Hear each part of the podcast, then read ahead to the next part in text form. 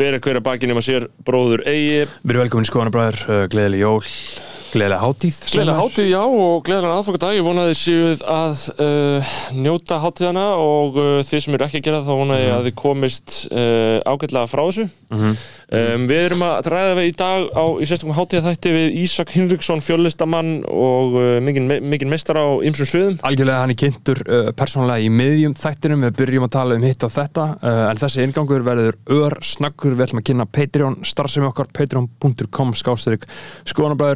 starfsemi okkar, patreon.com skástrík skoðanabræður, 5 dólar áskrift auka þáttur í hverja einustu viku kostar ekki neitt, patreon.com skástrík skoðanabræður, 10 dólar áskrift þú hlustar á þennan þátt áður en hann kemur út ofinbarlega 30 dólar áskrift og þú fær virðingu á nafn þitt í byrjun hvers uh, þáttar, Snorri, þú getur við- lesið það upp fyrir okkur. Það stendur við stóru orðin, það er þá Hrútur X, uh, það er uppáhaldsleikari minn Jóhannes Haugur King Joe the Goat eins og hann kalla sig sjálfur. King Joe the Goat. Andrea Dilja Edvinsdóttir, Andrés Jónsson, Benedikt Bjarnason, Björg, Björgvin Helgi, Brynjar Guðmundsson, Erik Ólaf Petró, Geoffrey Huntington Williams, Hjörtur Páll, Hjartar, Hálfdán Sveinsson, Sindri Kamban, Skúli Haldursson, Sturla Snorarsson og X-Nonni X, eh, Ármann Örn Fredriksson og Ari Helgason, trú ég að hann heiti. Þetta eru sem sagt þeir sem styrkja og þau sem styrkja okkur um 30 bandarækjadalega mánuði sem eru þetta rausnarlegu styrkur en þar með takk, sér líka á spjöld sögunar þegar Ísak Henriksson já, fer í fórseta frambóð, ég veit ekki hvort hann verði fórseti en um, og uh, svo eru aðrir sem leggja enn meira af mörgum til uh, já, okkar þar með samfélagsins. Það eru styrkja kongarnir Stefán Daði Karlsson með Fucking- 107 dólar á mánuði. Kongurinn, kongurinn, kongurinn Kongurinn. Stefán Dagi, takk fyrir það Stefán. Og í öðru sætu eftir honum er Tandri Snær Traustason með Já. 100 bandarækjadali þeir eru Tandri. virkilega, virkilega trausti stittar aðilar Já, Kunnum Og- virkilega meita ykkur. Og, og, og svo er það svoleiðis að uh, það eru ákveðin fyrirtæki sem ákveða að leggja okkur lið, þau eru ekki að auglýsa hjá okkur Aha. en þau eru í raun og veru misnóta kerfið uh, sem er vel. Uh, annars vegar er það þessi einstaklingur Júlevenner MC Gauta í Háskóla Bíó nokkri miðar eftir 2003. des á tix.is Beggi talaði um hvað er gaman á þessari sýningu. Mhm. uh, og Við erum alltaf, þegar þessi þáttu kemur opnbarlega út, þá verðum við búnir að fara. Þá munum við vera erum- hafandi farið. Við erum með miða 23. desember uh, 23 nú, þannig að við, við tölum um hann í uh, næsta Patreon Já, en Gau- Gauti mun ekki að hagnast af því. Nei, hann mun ekki ekkert því en, En það er þetta ekki auðlýsing, fokkaði. Gauti. En uh, æðislegt að júluvöndin verði haldið Næst er það þessi aðli Láttu þér líða vel uh, Þú átt að skilið Ampol CBD olja Skotanir 20 fyrir 20% afslátt Ampol.is Good shit. CBD maður, það er framtíðin. Og njótið stundana með Ísaki Henriksinni Fyrir hver að bakið um að sé bróður eigi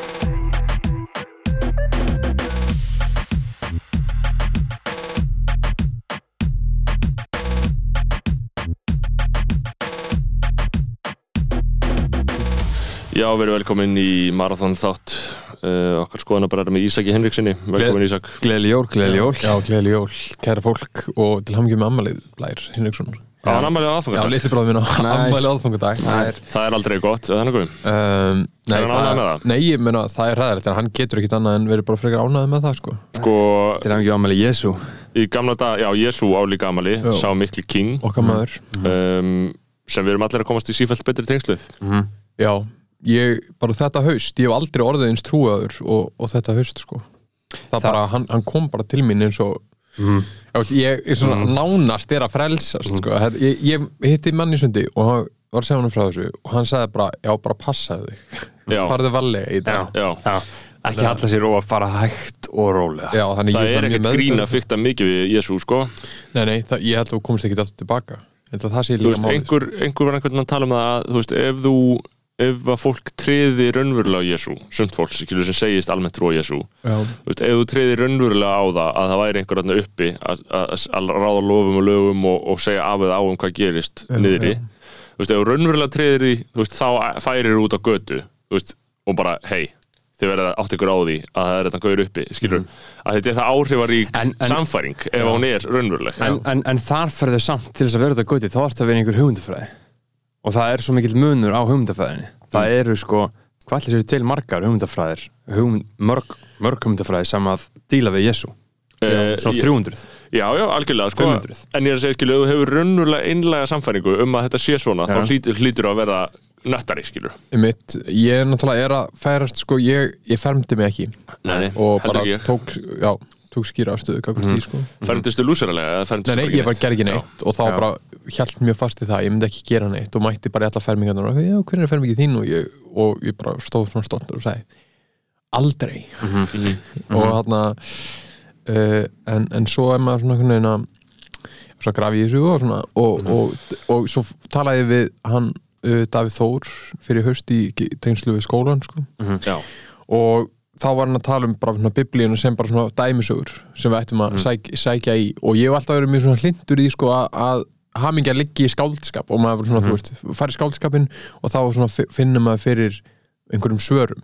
Mhm. og að líta biblíuna sem þannig og ég hef ekki sinni leysi biblíuna sko, þó hún liggi á náttborinu en maður getur tekið eitt og eitt Já, maður getur svona gluggað Þetta er líka rosalega sko. fallegu texti sérstaklega maður lesa þessar aðeins eldri þýðingar. Já, og, Svona og þá er einhvern veginn að líta á biblíuna með þeim hætti að, að maður getur bara svona tilenga sér og, og vera að grafa ofan í þessum sögum sko. Já, uh, og, og tileng og þú veist maður er einhvern veginn, þú veist, eitthvað svona bara ungu kallmaður í tilvistakreppu, maður hefur ekkert einhvern veginn að, en þetta að gera, við fyrir bara beint í það.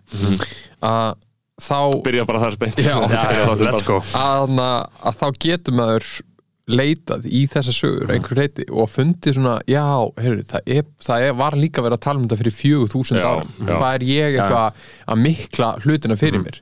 akkur ekki bara ganga strax í hérna, einhver svör og þú veist og, og, og þetta, þetta getur verið í hvað hérna, trúmálum sem er sko Já, ok. Lífið er alltaf bara spurningum sko, hverju þú ákveður að taka mark á Biblían er 100% eitthvað sem er hægt að taka mark Já, á og þú getur farið bara og tekið marka bara á Begga Ólafs, skilur sem Aha. er bara með einhver, þú veist, hérna með einhverja vitneskju, skilur en svo getur líka bara fengið mjög skýr svör í biblíu. Ekki Ólafs er reynda líka fakta hluti. Já, hann er fattar hluti Ég var, Ég held að hann sé trúaður, sko. ég, ég, ég var að tala, um, var að tala uh, einmitt um hann um daginn og komist að þeirri niðurstöðu að hann er king. Hann er king, hann var að spotta mig í gyminu um daginn og hann bara peppaði mig í gang. Já, bara mestari Ég er búin að hlusta á svona tíu þetta hjá honum, hann Já. er hann er bara flótur. Já, sko, bara fínt konsept af, af podcastinu hjá hann alltaf sem er spurningarnar Já, Hvað, er það alltaf, er það konceptið? Ég, er það ekki, er hann ekki með svona alltaf sem er spurningarnar Jú, og jú. fyrir að svara Já, ég kann svolítið vel við það podcast að því ég sé einhvern nýjan gest hjá honum þá er svona eitthvað, hm, hverju ætli hann svari þessu?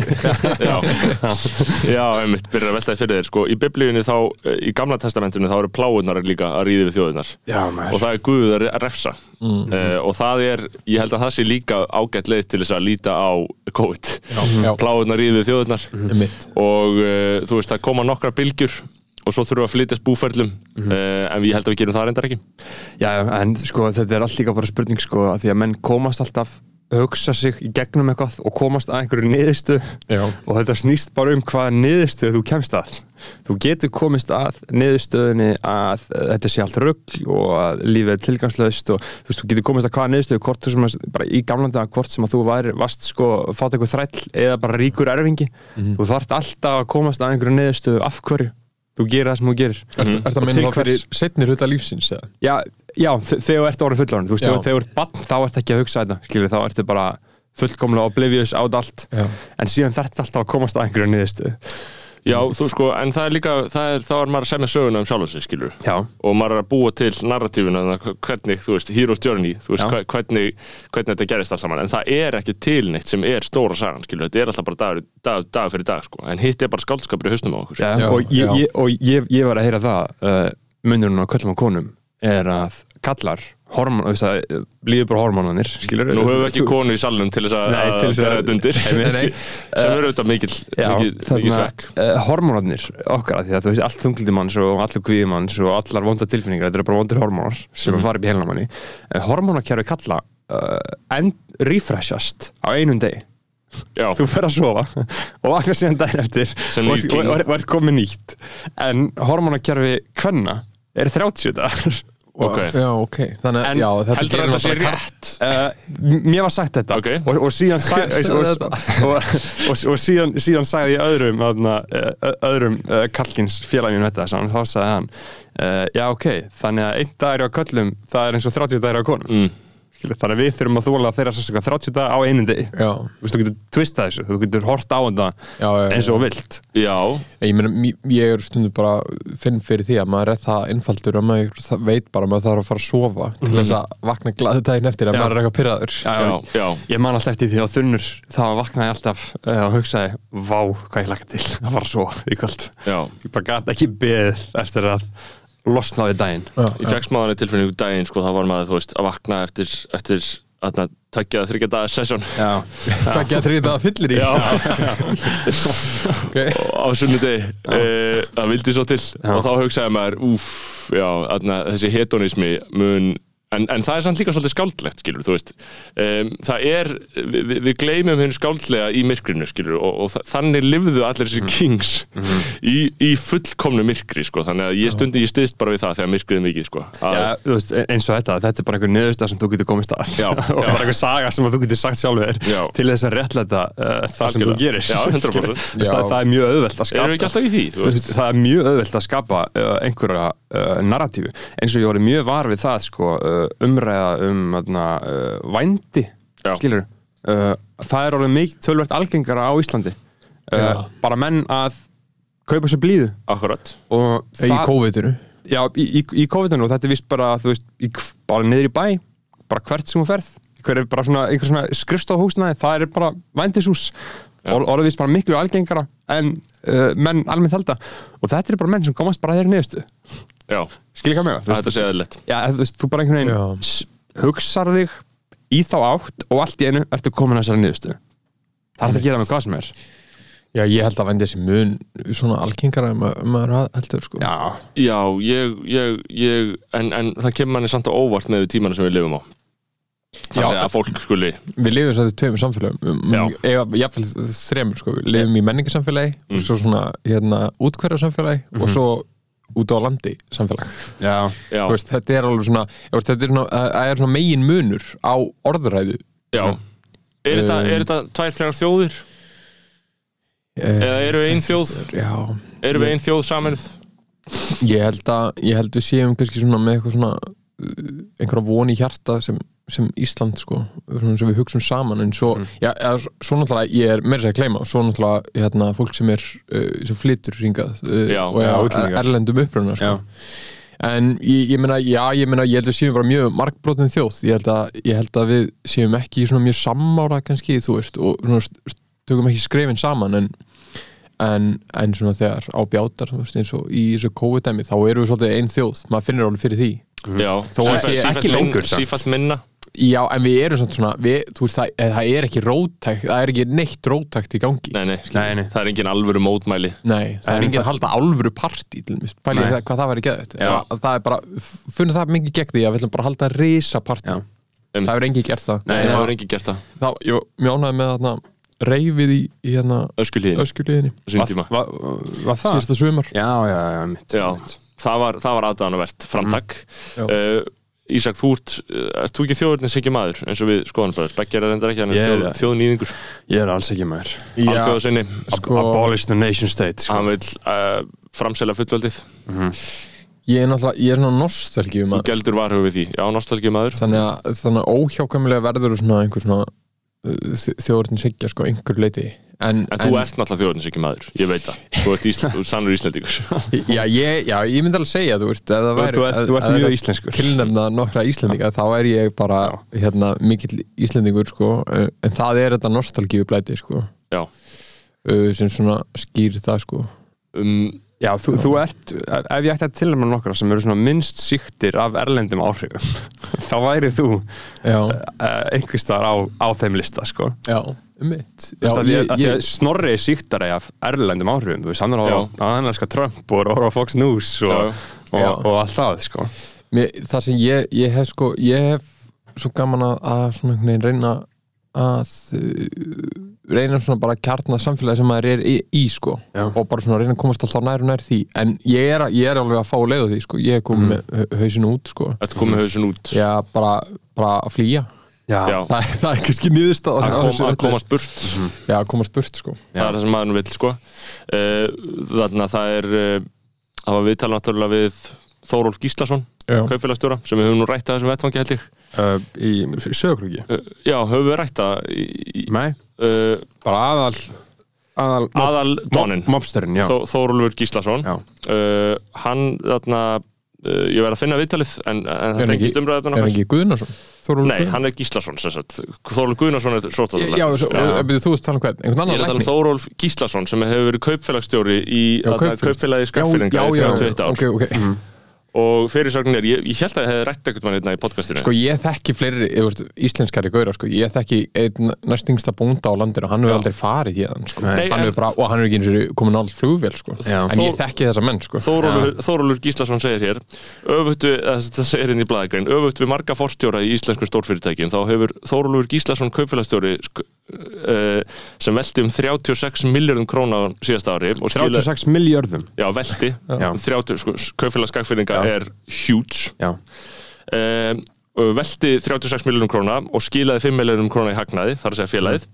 Uh, ekki séð ástæði til að ferðast mikið út fyrir landsteinina síðust ár. 15 ár eru síðan hann fór síðast til útlanda þetta er hérna 2019 hann hef, fór ekki fór, hann hefur líklega ekki farið til útlanda í COVID-inu. Nei, veit, ég, ég horfði á nei, það kom svo geggjað útarsviðtal við mann sem hérna hafði einhvern 90, 92 ára gamla mann einhvern bónda sem hafði sko aldrei farið til útlanda og aldrei komið til Reykjavík já það var Já. rosalegt og, þurfti að koma til Reykjavík eitthvað, eitthvað augnaðgerð og hann, hann sagði eitthvað svona er já, komin á óvart hvað var mikið að bílum í Reykjavík?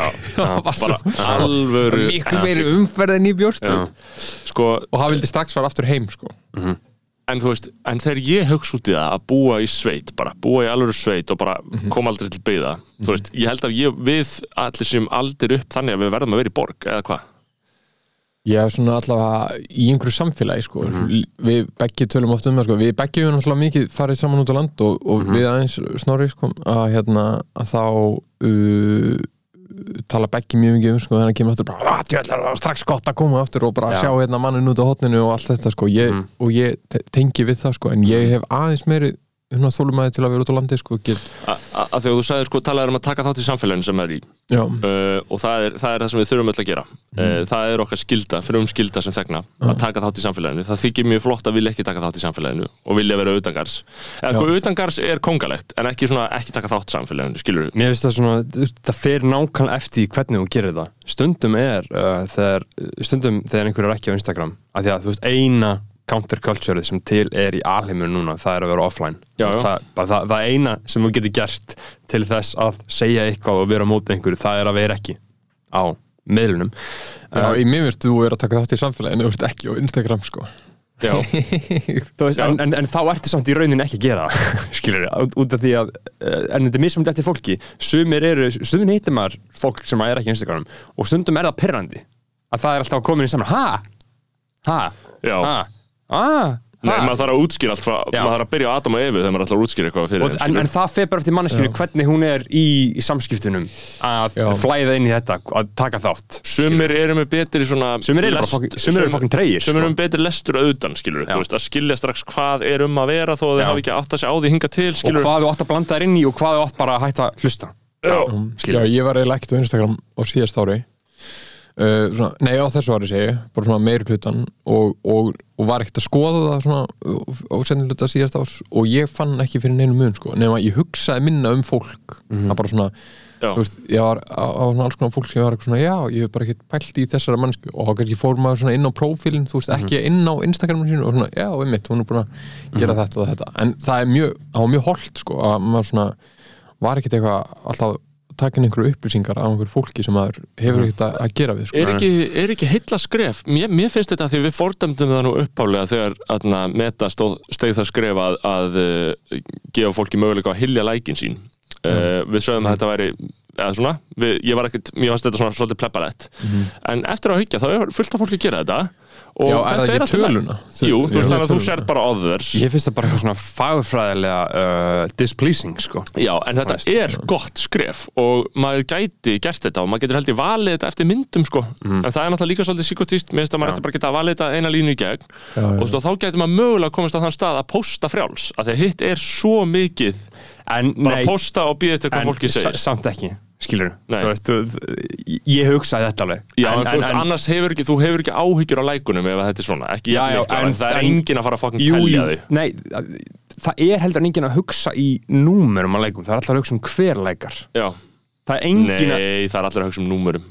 Í alveg. Fyrst og fremst númurum. Ég En veit þú ekki, veist þetta er svona alveg, þú- bæði og sko. þú veist Ég meina, alveg. þú fær bara 12 like þá lítur að finna fyrir því já, auðvitað, veist. en, en þú getur alveg gerir Ef þú ert- þú ert vanur að fá þú 100 like eða eitthvað. Já, en segjum svo að þú posta að mynda einhverju viftu. Þú veist þú ert að fara að fá kannski 12 like skilurðu. Segjum svo að posta að mynda sjálfur. Þú veist þú ert að fara að fá þetta mörg like Og þér er alveg sama um plus mínus eitthvað fucking Já, ein, Eitthvað amount sem að er bara normalt fyrir þér. Já, já. En allan eins og ég hugsi þetta ég Eina sem veldur mér vanlega er bara, þú veist, spæralinn og geðveikin sem að maður getur komið sjálfum sér í með því að hugsa um hver lækar. Já. Og af hverju þessi lækar ekki. En ég er að segja, Já, tölu, Ég held tölu þetta sé líka persónubundið sko. Já, Þetta er mjög er persónubundið, hvernig sko. þú mynda þér þér einn þangagang í Þetta er svo, þessum málum þetta er svo sko. sagan að því þegar það gerist hérna á Ritstjórn í Reykjavík þar sem að það var svona einn uh, blaðmaður sem var svona Facebook stjarnar, hann var alltaf að gera einhverja voða sniða status á Facebook og uh, hann var tekinn af vinnufélaginu með þeim hætti að þeir fóru inn á Facebooki hans og stiltu þannig að þú veist statusir hans sáust ekki. Já, Já, já, já, og svo bara þau bara bókstæli gerði þetta og horfðu síðan á hann. Já. þarna Status, sem er alltaf virkilega fallegt Það er sko. mjög gott grín, sko. En sko Það að er líka, það er smá minnlust grín sko. Nei, mér finnst það brútal. Mér finnst það í raun og veru grimmilegt sko. mm. Það afhjúpar strax sko, hvað þú ert rosalega sokkin yfir í, eh, niður í þetta fen. Já, já. Þórólfur Gíslason hann segir sko uh, hann segir sko um, Þórólfi finnst þjóðin vera orðin of neslumiðuð og svo segir hann Það á að hvetja allir spartnaðar hér og gott ef þú getur verið búin að eignast þitt húsnæði meðan aldur til að geta átt það sem varasjóð. Áður var það þannig að fólk útskjöðast úr skóla og fór beint að vinna en nú fara allir í sex mánuði heimsreisu. Þetta er ákveðin flótti frá því að taka þátt í samfélaginu. Vá, þetta er sko lélegasta fucking heimsýn og bara umurlegasta shit sem ég hef heyrt á æfin Mér finnst þetta mjög gott sko. eins og tilgangu lífsins ég eða einhverja fucking fastegn og gera fucking hvað En sko, tilgangu lífsins er að eiga fastegn. Er það ekki? Nei, nei, nei, nei. Til, tilgangu lífsins er bara Þú að sjá að- nýtt shit Nei, hald- það er svo hald- hip, mikið hippa shit Nei. og nýjaldar kjafta. halda áfram, sjá nýja hluti kynnast fólki, þroskast efla sjálfa þig Mm. Já, já, gera þú getur shit. alveg gert það en síðan samt rækta þú ert ekki, garðinn, þú ert skilurðu. ekki að gera það með því að fucking kaupa þér hús á söðukrúki, sko Nei, eh, kannski er ekki auk. Ísak, hvað segir þú? Já, sko, ég sko, ég held ég hafi bara farið eftir þessu. Ég, þegar ég útskrifast um mentaskóla, þá fór ég bara að vinna og hef, og hef bara svona verið að vinna uh, eftir því, í, með það í huga að kaupa fastegn, Já, en svo er bara uh, veit maður ekki vinna alveg það mikið sko fyrir launum? Uh, að ég hef svona þurft að elda fastegnumarkaðin, svona þú veist alltaf svona, að komið smá peninga, að nei og þá hækkar allt, að og, Já. og svona og, og ég sé eftir að hafa ekki farið bara strax út á leigumarkaða því að það kemur svo margt með því að bara að kynna, þú veist, sko ekki nema þú vilji allir bara út á fara leigumarkað eða út á fasteinumarkað? Nei, Uh, eh, já, ég fór, fór svo bara út á Já, já, einmitt. en, en sko, en ef maður uh, sko, maður getur sko úst, byggt lífsitt svo mikið á því að kynnast fólki, fara einhvert og Mhm. gert eitthvað og þá úst, verður eitthvað úr, úr svona óvissunni Já, en, en þarna ertu einhvern veginn svona Cop out já og líka bara ef þú ætlar, ef- og svo, getur, svo er bara mismunandi sumir eru bara mjög með skýri stefnu í lífinu og ætlar bara að vera hann að veist, lögfræðingur og fara bara í HÍ Mhm. og ætlar bara að vinna á þessari stofu þá ertu líka bara mjög fljótur að að Mhm. fara inn á inn, tak, takkinu þetta en svona allavega fyrir mína parta þá er miklu meira spennandi að fara og kynnast alls konar fólki, búa alls konar stöðum hérna auðvitað alls konar reynslu og þar að leiðandi einhvern veginn byggjur á því fram með því sko. Já, já.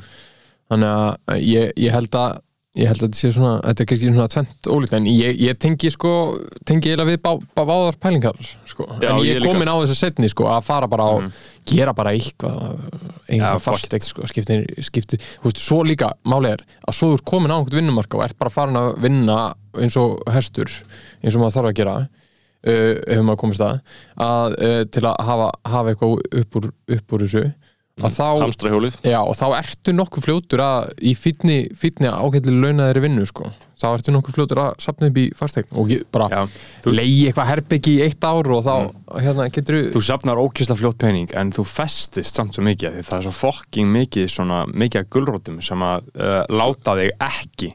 Vilja hætta og fara að gera eitthvað annað. Já. og festist svo fokkin mikið í svampinu. En Það, það er mjög fyndið sko, já svampið, þú, þú fæstist sko, en það, það er hægt að njóta sín í svampinu, við þurfum að aðtóa það, en sko það sem er áhugast í þessu er líka að þú ert að vinnumarkaðnum, skilur og, og, þú, og vinnur einhvern veginn alltaf jafn mikið. Þa, það er líka konseptið í, í okkar vinnumarkaði, þú veist, þó að þú sért þú veist, maður myndi halda að ef maðurinn væri nautnasækur og letingi í eðli sínu, sem hann virðist ekki vera, sko, Nei, nei. þá myndi hann, skilur, ok, þegar hann er komið með miljón á mánuði, þá hugsa hann, ok, þá getur ég bara verið í 50% starfi, hérna, skilur, já, já. þess vegna, ég þá ætla bara að minka við mig alltaf því sem Já. nemur, bara að fá eins mikið frítíma mögulegt en í staðinn, þá bara eigur lífsgæðin og þá verður bara dý, lífið dýrara Já, já. og þá þetta að vinna jafn mikið alltaf sem er svo, sem er svo fullkomi koncept að þú vinnur alltaf jafn mikið, er alltaf jafn mikið þræll sko. Já, já. jafn þú sett með bara 2,5 miljónar mánuði, það er fólk með 2,5 miljónar mánuði sem er bara ó það er svo mikið að gera hjá mér, bara ég get þetta ekki þú veist bara eitthvað, þú, þetta er fullkomi sjálfskap Ábyrðin verður alltaf meira og meiri sko. En þetta fer náttúrulega líka bara eftir því sko, í hvaða, á hvaða vinnumarkaðir að þú ert inn í einhverju fyrirtæki einhver, þú veist, bara einhver svona mjög uh, traditional, einhverju svona millistjórnunda uh, stiga, en einhverjum banka eða whatever, þá er þetta svona. En þú veist, að þú ert að gera eitthvað aðeins skrýtnara og öðruvísi ég held að lang flest eins og bara, þú veist svona vel establisera listafólk það er ekkert í þessum pælingum. Nei, nei. Þú veist, þú getur bara gert í rauninni hvað sem þú vilt veist, og stjórna þínu tíma fullkona sko. Já, en þú veist, en, en það sem er áhugast við það er að þú veist, þau geta gert hvað sem þau vilja en það sem þau vilja er vilt bara að vinna Já, já. eins mikið og þau geta Já, ég meina þú allar að vera einhver listamæður og hérna og, og vera með einhverja miljónum mánuði þá ertu bara 24-7 alltaf að vinna sko. Já, að vin- að vinna en regla næs Já, eða, ég veist, svo bara líka einhverju rítuðandar sem eru bara á, á listamannalaunum sem eru 400 krónur á mánuði eru bara að harka og harka gegnum daginn þú og, veist, og að finnast þeir að þau hata að skrifa. Já, já, þú veist, það er bara vítis kvalir á hverjum Já. degi en, já, bara vakna á þjást. Já, en þau eru kannski að gera það sem þau sko elska en þetta er samt kannski veist, þetta er ekkit eitthvað þetta er, ma maður hugsa þetta alltaf eitthvað svo rómatíst en svo er þetta bara, svo, bara sest, pröfa að setjast bara, sestu þannig í fimm tíma og Já. byrja að skrifa, það er bara, það er ræðilegt Já, já. það er Já, já, Haldur Lagsnes sagði mikilvægasti vöðvun fyrir reytöfund væri rassinn. Já, þegar þú situr, þú situr á honum allan dag hann stóð tölvöld sko. Já. Já, hann var hann- tölvöld að standa til skupari en hann var líka að taka tíu tíma. Ég er að hérna hlusta á æfisögun hans. Já, Eftir, eftir Haldur Guðmundsson. Já, Fucking já, king. já, bara við svona Hvert ertu komin? Á, Eh, kapla ertu? Þú ég veit ekki, ég er búin að hlusta í sjö tíma á, þú ert 33 eða þú eitthvað. ert örugglega komin svona að vefaranum. Já, já, já, ég er í vefanum sko. Uh, og ég veit að hann rugglaður maður. Hann var, ég vissi ekki að væri svona Ítalíu, ruggl já. ég, ég, bara, mér, finnst þetta magnað sko, hvað hann, hann var svo viss með sitt sko. Ég veit það. Það sem er áhugavert líka þar er að þú veist að því maður er alltaf að, að, að harma dauða bókarinnar. Uh, en hann ímyndaði sér líka til dæmis þegar hann reyndi þetta með kvikmyndahandritin í bandaríkinn þá ímyndaði hann sér einhver leiti líka að bókin væri dauð. En svo var bókin bara nákvæmlega sem hann átti að vera að gera skilur það er svolítið merkilegt sko hvað maður misles eigið umhverfi stundum. Já. Já, og líka, maður er bara alltaf að upplifa eitthvað svona, það er bara þú veist, það er allt búið að gerast og aftur það saman, ég var að segja, veist, það er bara hérna, ungu maður í tilhjóðstakræpu bara Haldur Lagsnes var bara svo mikið í tilhjóðstakræpu að hann, hann fór hérna í klustur og var bara til random hvers, sko. er líf mitt, ég er gagslaus ég hef ekkert, þú veist, hvað á ég, að á gera fyrir þetta samfélag og allt þetta, hann bara einhvern veginn svona veist, hann, hann, hann var að upplega bara alveg það sama og svona einhvern veginn, einhver gún er bara upplega í dag sko. En, en, en, en á sama tíma er hann sko, hann er 30 árum næstuði eldri en amma mín og afi og en, og þau voru sendt einhvern veginn svona hann er bara allt annað, allt annað líf hann er að ferðast um heiminu okkar og saman tíma er amma mín og afi að fæðast og þau þurftu að harka sig bara í gegnum lífið í einhverjum svona sveitasamfélag Já, já. og það er eins og hann lifi bara einhverju hann er bara, lifa bara nútíma lífi hann var af yfirstjætt sko. Hann, eða, sagt, hann, hann, hann samt, samt ekkert það mikið. Nei, en þau áttu, Ekki mi- svona ég held að það hafi áttulegt meiri peninga en venjulegt fólk sko, eins og Já. annars, þú veist, mamman var alveg að senda honum peninga þegar hann vantaði, þú veist, og, fyrir aðra sem voru hluti af sannkallari íslensku alþýðu sem var bara rétt komin upp úr vistarbandi, skilur Það var ekki séns. þá bara, þú fóst ekki til útlanda á æfiðinni, þú fóst ekki til, í reysur til Gríklands, Ítalíu og svo var hann alltaf að díla, víla og díla með einhverjum svona Patreona, sko, þú veist, Já. hann var alltaf að vera að styrkja hann, sko. og, og, og, og líka það sem hann var með sko, hann var með bara eitthvað svona óbylandi kjark og trú og síðan var hann líka örugglega mjög sjálfselskur, narsisisti Mm. og var bara tilbúin að fórna engu fyrir neitt nema sjálfan sig Já, ég- við- og ég held að við- það sé aðalega það sem að uh, gerir það náfram sko. að því að til þess að vera þessi uh, snillingur, þú þarft að svífur það alla, alla í kringu Já, líka hafa þess að óbylandi trú á sjálfum sér. Hann er bara skrifa, skrifandi í brefum til fólks bara, ég ætla að vera heimskánd, ég ætla að skrifa fyrir heiminn þú veist, Mhm. Meina það, þú þarfst að vera ansið stórhuga og bara svona hafa, hafa trú á Mhm. sko, hvaðan kemur trúin að hann hafi eitthvað fram að færa fyrir heiminn, sko, ég meina hann hafði rétt fyrir sér, meina he hann allavega, síndi fram á það, sko. Og það verður mjög áhört að sjá hvernig verður sko farið með. Þegar núna er heimurinn aðeins að uh, minka, þetta er orðið bara allt gjörsamlega aðfjörlega og þú veist þetta er alveg að fara að lifa í 50-100 ár, það verður mjög áhört að sjá hvern- ára, sko. hvernig verður farið með uh, katalógin, veist, ef að Baltasar er að fara að gera sjálfstætt fólk uh, sjónserju og hvernig þetta svona lifir þegar ný og ný fólk byrjar að fatta þetta og veist, og hvernig þetta fer einmitt inn í alheimin í, á nýjum miðlum, það verður mjög áhvert að að fylgjast með því sko, því að ef við tölum í dag skilur, þá eru íslensk ungmenni og bara fólk á okkar aldrei í engri tengingu við þetta. Þú veist, það þykir cool að svífera þetta. Mm. og þetta er eiginlega svona eina íhaldsama svona Já, já. í, íhaldsama hlið mín það er að setja virðingu á þessi nöfn mér finnst það bara ég, hérna uh, ég ætla ekki að fara að bara snúast við allavega hjá mér, sko, mér finnst það bara mjög, mjög cool, sko. Ég, ég, bara, ég, ég sá sko hérna, heimsljós, ég, ég hef ekki lesa hana ég sá hana í, í þjóðlíkursinu og var sínd og ég bara hef og, just, ég, hún situr bara í mér Já. en ég var bara, ég var svona úst, eitthvað 14 ára eða eitthvað. Já. og þetta var bara að fallegasta sitt sem ég séð, sko, þetta er bara mögnuð sín sko. en ég úst, get ekki einu svona farið með eintakið í, ég bara Nei. man upplifun að sitja í salnum, þetta var bara uh, fallast sem ég séð sko. En sko, þú veist, einstum þessi sjálfstæða fólki, þar er punkturinn bara eitthvað að vera sinn eigin herra, skilur Já.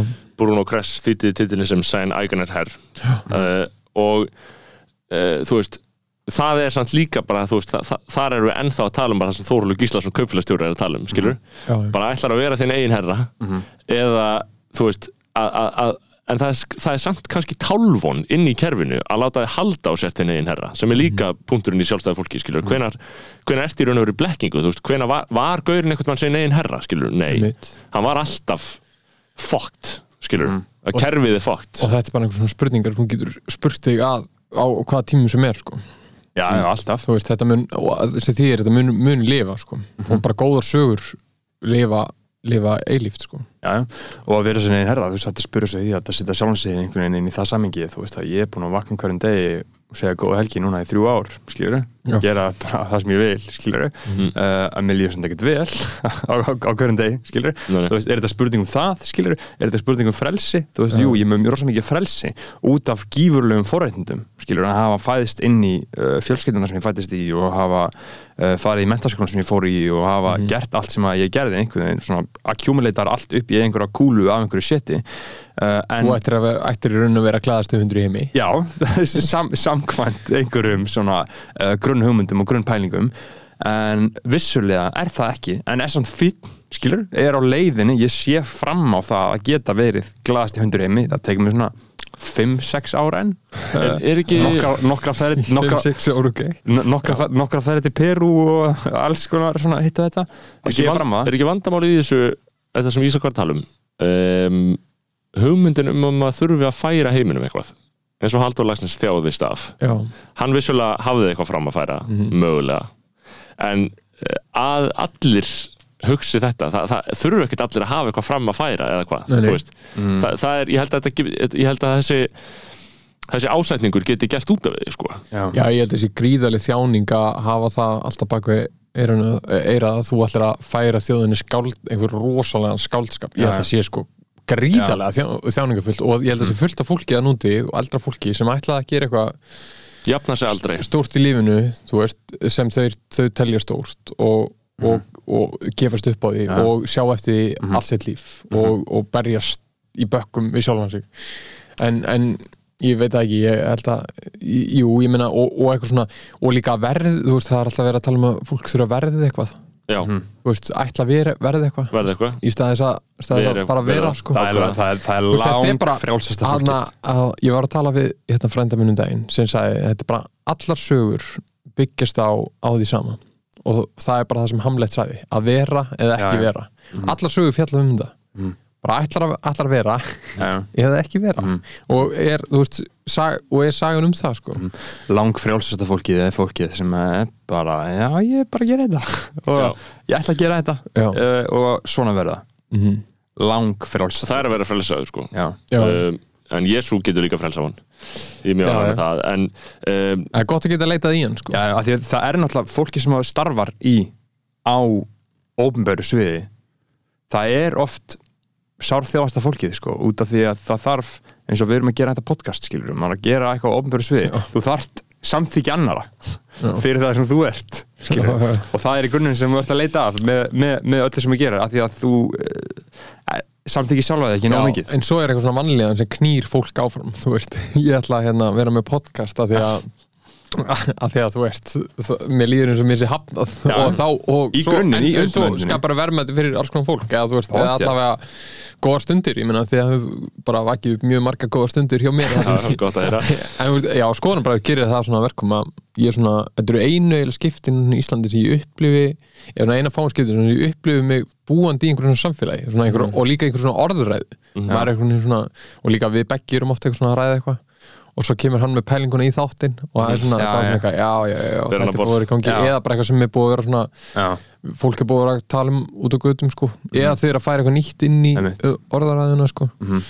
Uh, og, og já, ég meina og svo er ég ofta eitthvað svona uh, já, ég náttúrulega hef líka oft sko, það er eitt sem er mjög skemmtilegt, ég hef oft verið að hlusta á skoðanabröður liggjandi með bekka upp í rúmi. Einhvers staðar út á landi. Alveg ástæðilegst Já, þar sem hann svona sefur og ég svona ligg og er orða tvö nótt og, og ég er eitthvað að hlusta þátt og eitthvað svona hlæja og eitthvað svona poti í bekka þetta var mjög gott sko að því að uh, maður spyr sig hvort það sé eitthvað í samfélagsgerðin okkar sem knýr fólk til þess að hafa þessa hugmyndum að þurfa að leggja hvað mörgum uh, og ef við berum þú meina 2021 saman við 1921 að Lagsnes, Lagsnesi fannst mjög að hann þyrfti að bera eitthvað til brunns, hafa eitthvað til brunns að bera. Uh, og, og, og, og mér líður mér myndi, ég, myndi, ég myndi áætla að þetta væri útbreyttari árátta núna en hún var þá, þar að segja að núna er öllum kent að þau þurfa að skara fram úr. Já. Eh, og hvort sem er í, er í skólakjörunni eða þá í, í bara popkúltúr almennt að það snýst allt um fólki sem skara fram úr. Það snúast allir viðtölum einstaklinga sem skara fram úr. Já, líka bara í á hverjum degi eru allir að sviðsýlda sjálfum sig. Það er allir, þú veist, áður fyrr horfður á popstjörnur og einhverjum nokkra einstaklinga á pólitíkusa, kannski blaðamenn og svona, og fólk frá sviðsýlda sig þú veist, það klætti sig upp og, og kom fram fyrir hérna, fyrir fjölda fólks eða leikarar eða, eða hérna, poptónlistamenn eða, eða bara, já, tónlistamenn. Og, en núna einhvern veginn það er svo, svo rugglað að allir eru fyrir allra augum. Og allir eru líka með eigin vefsíðu. Það er, þú veist, já, já, það. er, og allir eru bara með sitt blogg og það er allir að byrta myndir af sér og, og það þurfi einhvern veginn allir að setja sér einhverja stellingar. Og það er svo það er svo, við erum einhvern veginn bara svona, við erum að fóta okkur sem samfélag í því. Já, ég myndi að líka sko raunveruleikan bara fyrir 30-40 árum. Þegar enginn var með þú veist að bara almennt fólk Já. hafði ekki Já. eigin vettvang einmitt, Þú veist, og það þú hafði þurftir þið bara ekki, ekki. hvernig ætla þú að hvernig ætla þú að byrta þig, hvernig ætla þú að það setja þig bókstara fram bara vaknaði, Já. lifði lífinu sinu Já. átti samskipti við sitt fólk Já, já, og þú- brefaskiptum svo framvegis En að brótast, Ímyndaðu muninn. að, brótast fram var miklu var, var held ég tölvöld erfiðar á Íslandi þótt að hafa verið færri hérna, þú veist, að komast í blöðin og þurfti alltaf einhverja samtíkja en eins og Bræði Páll saði neða okkur í sístu viku þú veist, núna í dag á Íslandi það að vera frægur er bara ákvörðun Já, já, já.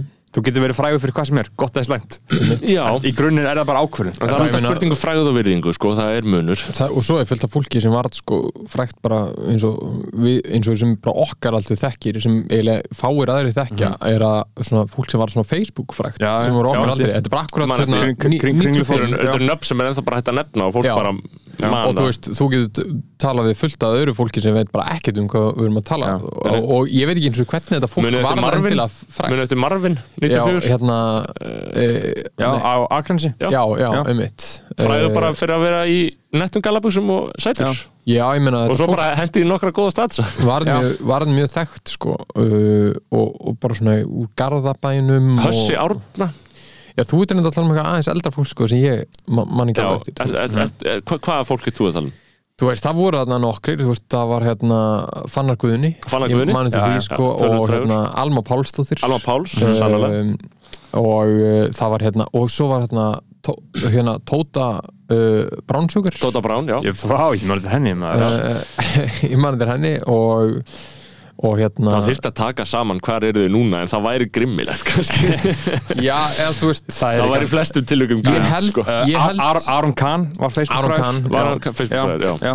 og ég held bara satt best að segja að þetta, þetta er náttúrulega mjög skrítið og ég, það væri, sko ég held málið væri að það væri mjög gott að láta einhvern svona félagsfræðing taka þetta fyrir, bara hvernig áhrif hafði þetta, af því þetta, ég man sko maður hérna, hérna, þekkti sumt af þessu fólki og svona, og þekkir og hérna, og þetta var einhvern veginn svolítið furðurlegt sko.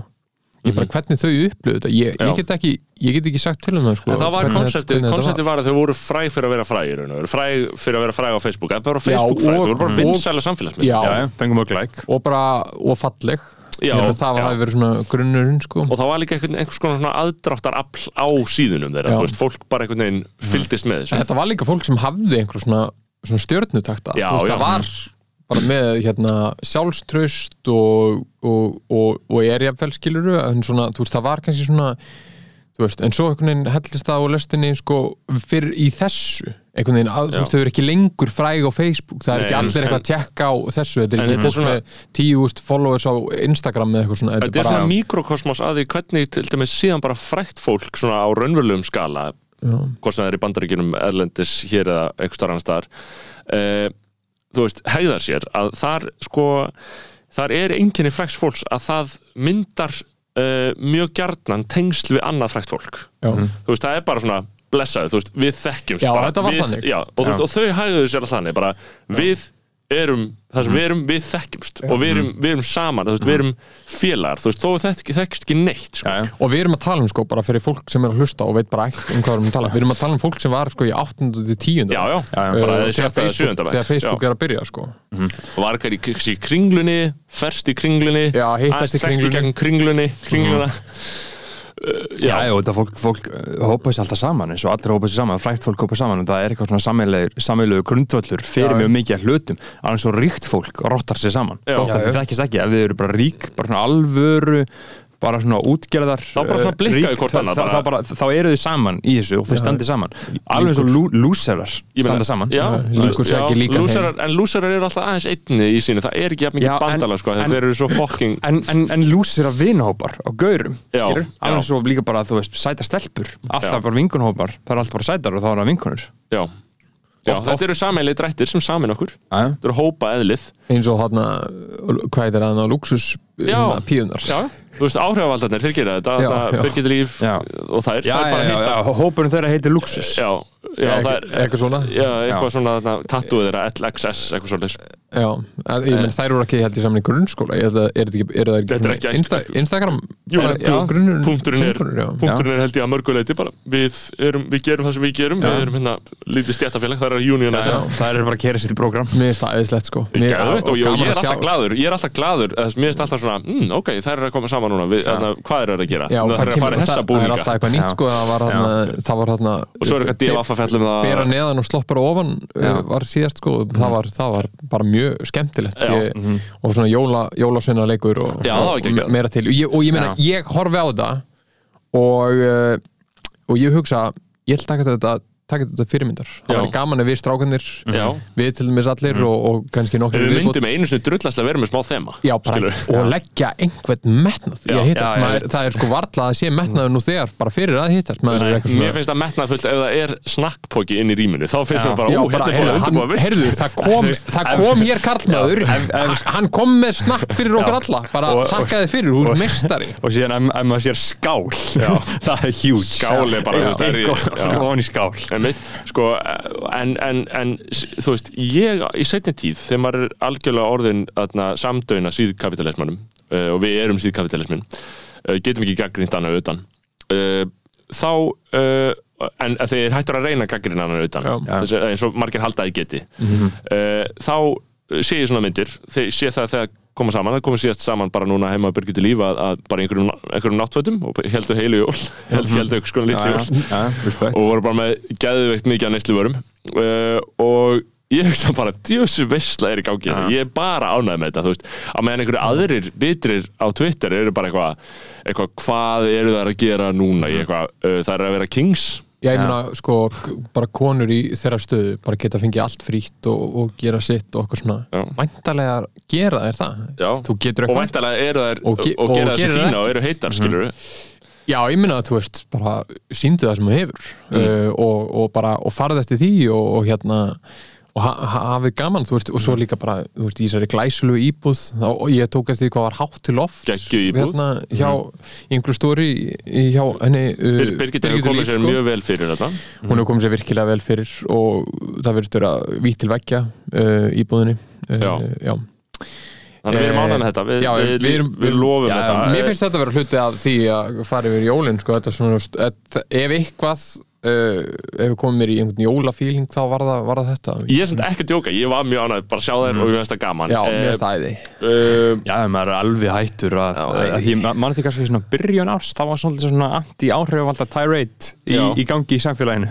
Uh, og síðan, þetta er svona svolítið bara eins og að vera mútið ríkistjóðinni þú veist, þú þarft eiginlega bara að samþykja þetta og þetta er eins og þetta er Mér og, finnst þetta bara alltaf vera aðeinslegt sko. það er svo gaman að mér finnst þetta er bara svo áhugavert efni. Svo áhugavert þegar einhver setur sér svona fram þú veist, það eru allir að setja sig á hérna, setja sig fram og svið setja sig með því að byrta líf sitt, en svo bara sund fólk sem tekur það bara alla leið já, já, fyrir allin í það. og hérna, og ætla bara einhvern veginn að að svona sína og þú veist, bara Já, líka, fórn, sko, þú mér þarft- finnst að vera svo mikið einhverju ekki, ekki myndi ég gera þetta sko en, en, en hérna en ef ég myndi kannski aðeins minna pæla í, ef ég verð ekki með, þú veist, hausun upp í raskatunum mér, þá myndi Mm. maður kannski gera þetta sko. Fó- fólk er náttúrulega líka í skipulegri útgáfustar sem er með þessu, þú veist, þetta er alveg töluverð ve- vinna og töluverð, töluverð hugsun sem liggur að baki hvað Já. þú byrtir og svo framvegis Einmitt. um, Já, uh, við vorum að tala um eitthvað sko, við vorum að tala um Við vorum að tala um Halldór Lagsnes og Já, við vorum að tala um Haldur Lagsnes sko, og við vorum að tala um sko, að þú, að, hvort þú telið hafi eitthvað farum að færa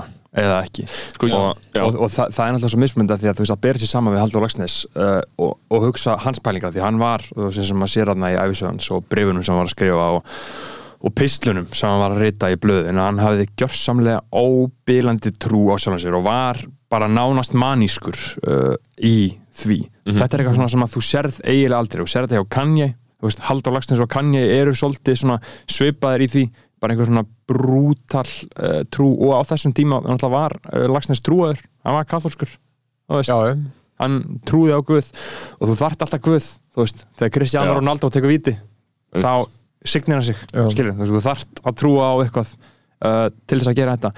En alltaf sé Ás- bara þeir sem leita mest þeir komast að einni niðurstu og það er, það er hinn eini senni guð. Það er það, Guð. það er Dios.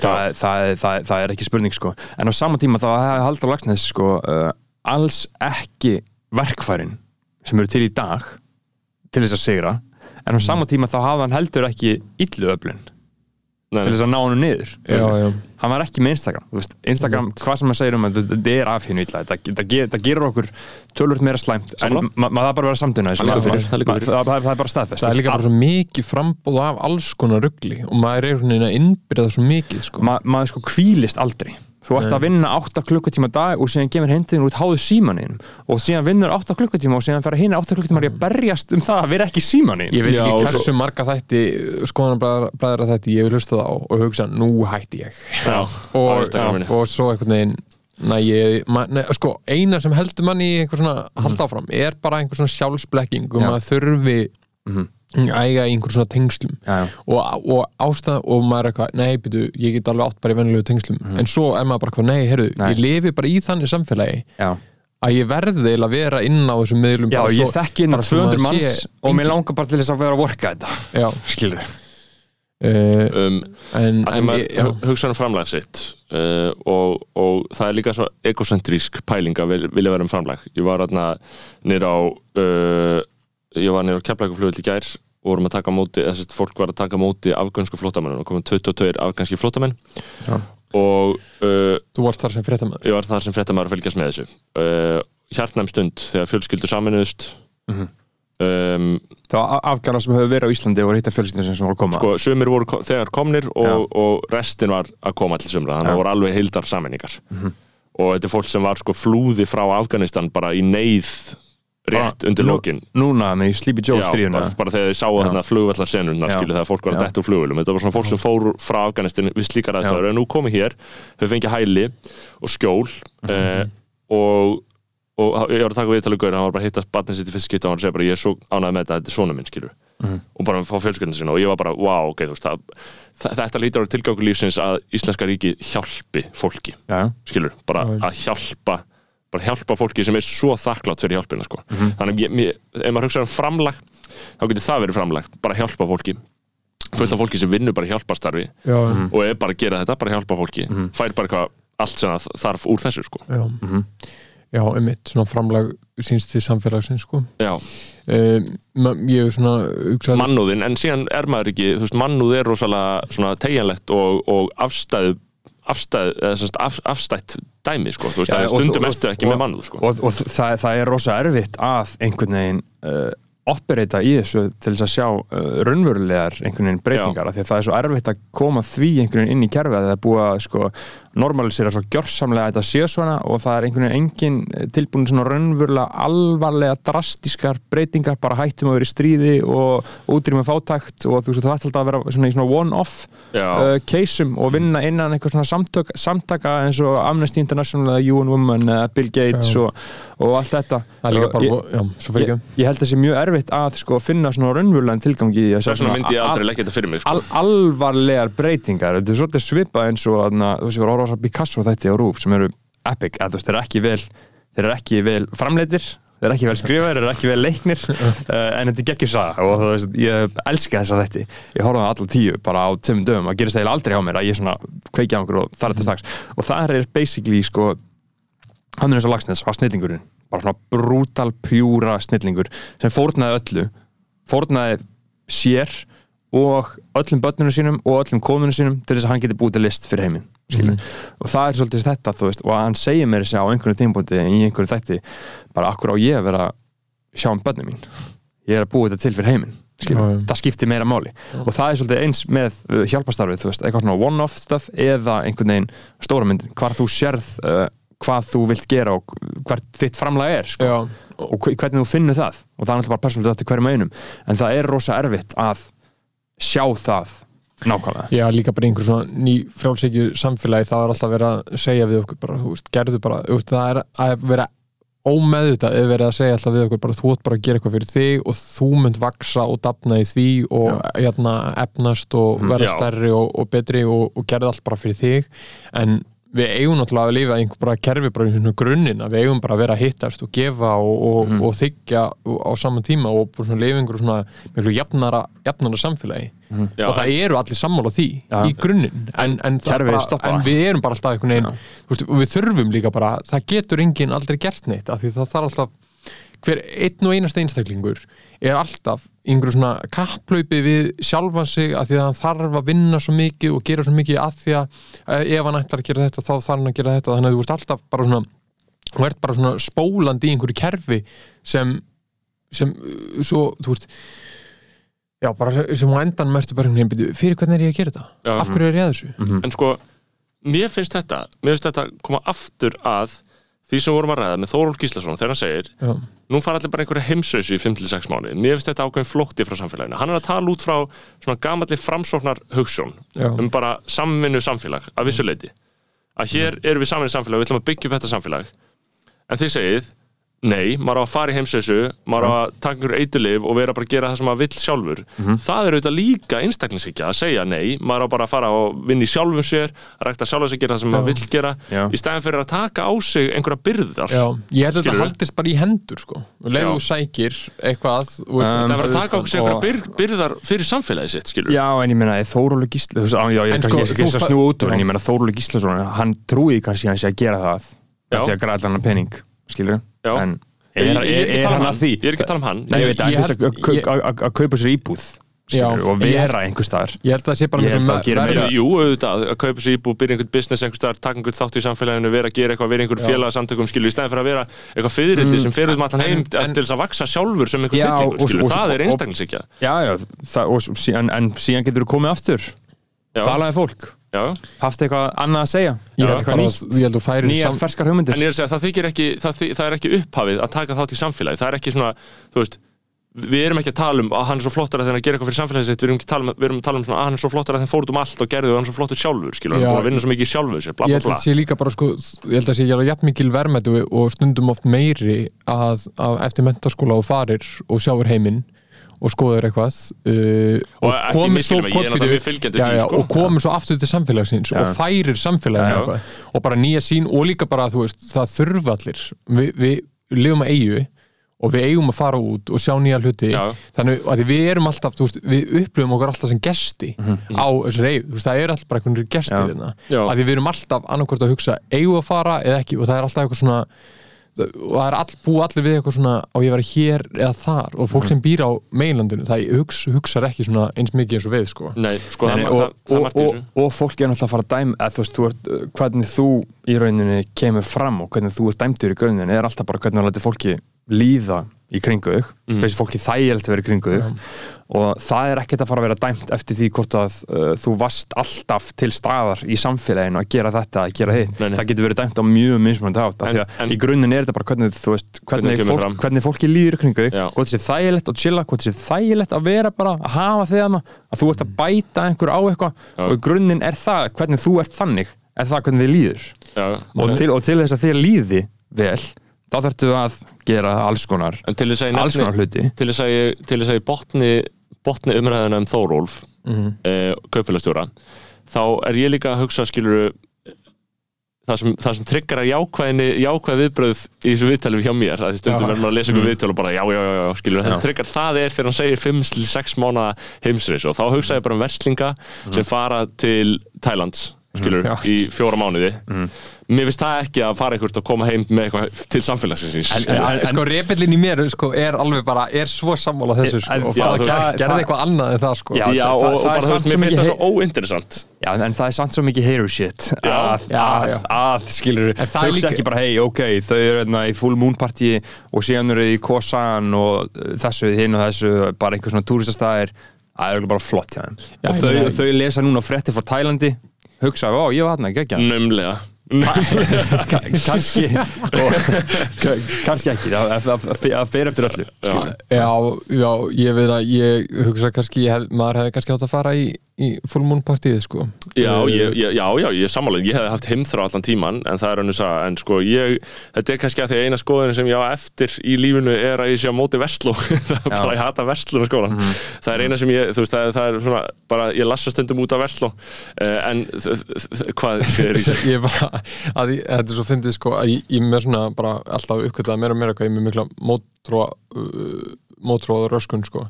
Nú er ég í, í listaháskólanum og það er einn nefandi sem er úr Vestló og hann er alltaf látið finna fyrir því að því allir aðrir eru úr öðrum metaskólum já. og hann er alltaf svo, þú veist hérna, það er lengur að hlusta þeim í, begnum, en hann er alltaf svona úst, hann kemur með eitthvað einskott og hún er mjög Vestló lituð. Já, og það, var, og það er svona gert grína í en ég, og svo stundum fer ég til hans og segir bara hlustaðu hjarta, hlustaðu Já, já. bara á veslu hjarta og farð, og veist, þú kontu með þitt af því að það ef eitthvað er, þá á það sko erindi við samfélagi af því að Sko- hérna, samfélagi er verslunarskólinu mörgu leiti sko. ég er mjög sammála þessu að sko ef þú ert vestlingur vertu vestlingur skilur hvað við, þú veist það, það, eina sem fer í töðunar á mér er oft skilur þegar fólk var í vestló og ætlar að reyna að, að, að láta að, að brjótast út úr hlekkjunum skilur Mhm. En þú veist bara, ef þú varst í vestló þá varst í vestló, ef þú varst í MR þá varst í MR, ef þú varst í MH þá varst í MH og svo Já. framvegis. Þú veist, þú, þú veist mér finnst það, þetta er góðu punktur hjá þér þá á maður að fara, vera Já. bara í því kvíla í Já. því, þú skilur var bara, þú var bara byggja hún á það. Já, Hvernig- það þýðir ekki eitt eða annað, skilur þú veist, það þýðir ekki að þú getur ekki gert þetta eða gert hitt, skilur en þú ert þessu marki brendur, ælu Já, og bara, ég held að sé líka bara margt þetta að læra af, sko, bara svona framsendingu verslunarskólans, eins og bara í svona listum og alls konar, bara Já, hvernig meina- þau setja fram hluti og það, og ég meina allt sem þau gera, eða svona virðist þeirra allavega hérna fyrir, fyrir nokkur ma- maður er ekki alveg inn í sér lúpu í dag en það veginn, það bara varð snill ég meina Já. Vestló er bara sjálfstæðsflokkurinn Já, winners. Já, bara hvort sem við fílaði ekki bara vön því að sigra já, skilur Já. og bara, bara það sem ég gert þar það nýtur hilli almúans mitt venjulegs fólks. Það þykir eftir sóknarverð Já, bara winners. Já, og ég meina það er bara eins og það er. En síðan náttúrulega, þú tala um uh, listaháskólan það er mikið verið að tala um uh, vestlóvæðingu uh, listaháskólans. Já. Sérst, Já, já. sérstaklega hjá uh, kvenkins þú veist. Fyrir, ég- fyrir, fyrir, fyrir, tíu árum þá voru allar stelpundar með bara hárundur höndunum í einhverjum gardínum. Já, og núna, og núna eru allar frekar heitar. Já, já Já, ég ætla það uh, Allar frekar heitar, ég held að fara eftir deildum sko. Uh, Það þetta búið svona face mask app það, eins, og, eins og Facebook byrjaði. Það byrjaði að reyta konur í háskóla. Já, en ég held og, og, og, og maður spyr sig, ég meina, er þetta vestlóvæðing eða er þetta kannski hip-hop-væðing? Mm. skilur þú veist. Já, um mitt uh, já. eða er þetta engin væðing? Kannski, ég, veit, ég, höfum einhvern, ég veit ekki alveg hvort við höfum samanbörð Nei, við höfum ekki saman Ég held að listaháskóla ég hafi í gegnum tíðina þótt ég, ég heyrði þetta bara frá vinum mínum sem var í, vest, sem var í listaháskólanum fyrir Já. 5, 6, 7, 8 árum Já, þetta hafast bara verið hippar. Já, þetta hafi bara verið heipar Já, er hann samt Já. ekki bara að sjá ungar gælur núna og hugsa þessi heita? Það er með aflita hár. Já, það, Sko. getur verið. Þannig að, já, sko, ég, ég, veit ekki, mér finnst, mér finnst bagalegt að það verði verslunarskólavæðing uh, hvað sem hún verður, þess að ég, ég verð svona samkvæmt bara skilgreiningu að vera á móti versló, en sko, uh, já, það er bara eitt sem gerist í Vestló. Það kemur, það sprettur ekkit nýtt fram. Það er bara, sko, Já. það er framsetningin sem Já. er, í rauninni, þú veist, það, verður, það er ekki svona, það er ekkit eitthvað rót, Nei, gróið þú veist, það er ekki gróska sem kemur. Nei. hún kemur úr öðrum, öðrum stöðum. Og nú er ég, sko, nú tölum við um Vestló sem, sko, sem meiri, meiri hugmyndafræði heldur en kannski endilega akkurat skólan Já, en þarna innan, innan skólans kjarnast þetta mest sko, að það er það sprettur ekki nýtt fram, þú sérði ekki nýtt áhugavert uh, en, en það er kannski sett fram á einhvern svona hátt sem nær til almennings. Svona, og, og þau nýta alls konar úr og, og bara með Já. og ómeð þetta úr öðrum svona uh, svona pælingum og, og svona uh, og kannski svona hugsunarminstrum og, og, og grassot og það er svona kemur eitthvað og þau nýta og þau ná að framsitt hérna fram svo vel sko. og, og aðgengilega hátt, þetta er svona eitt stórt vel, ein stór, vel smurð culture, vulture maskína. Það sem að hún bara tekur hluti sem gang, eru flottir gerir það að sínum, já, já. og, og, og, og gera það aðgengilega fyrir almenningi sko. Sem er náttúrulega merkilegt veist, í, það sem er merkilegt við Íslands samfélag er mikilvæg mentaskólana Já, já. að þú veist, það hefur meiri maður. aftur fjögur ár sko. Já maður og það sem er mikilvægt við Íslands samfélag er ungt fólk já, Já, og þessi í COVID. úlna, bælta, ríka yfirstjett 50 fólks sem að stjórna þessu landi Já. þeim er skít sama um ungt fólk þau gera ekkert fyrir það byrjum á því, fokkin lobbyist að lufsu heilarnir í samtökum atvinnulífsins eiginlega mentaskóluna Ítluði Gunnarsson, rústuðu mentaskólum fáum mentaskólum að fyrr í verksmiðunar svífurðu okkur alveg saman um þau. Við hugsum um þau sem bara economic tól til þess að auka hagvöxt í þessu landi. Og til þess að gera það þá styttuðu mentaskóluna setjum þetta þrjú ár, þá er þau fyrr farin í háskóla og fyrr byrjuðu að græða pening fyrir hagkerfi okkar að vinna fokking 9-5 lúsera fokking bullshit vinnur til þess að gera hagkerfi okkar betra. Gerum það og síðan kemur einna faraldur eða plandemic eða hvað sem vel vilja kalla þetta.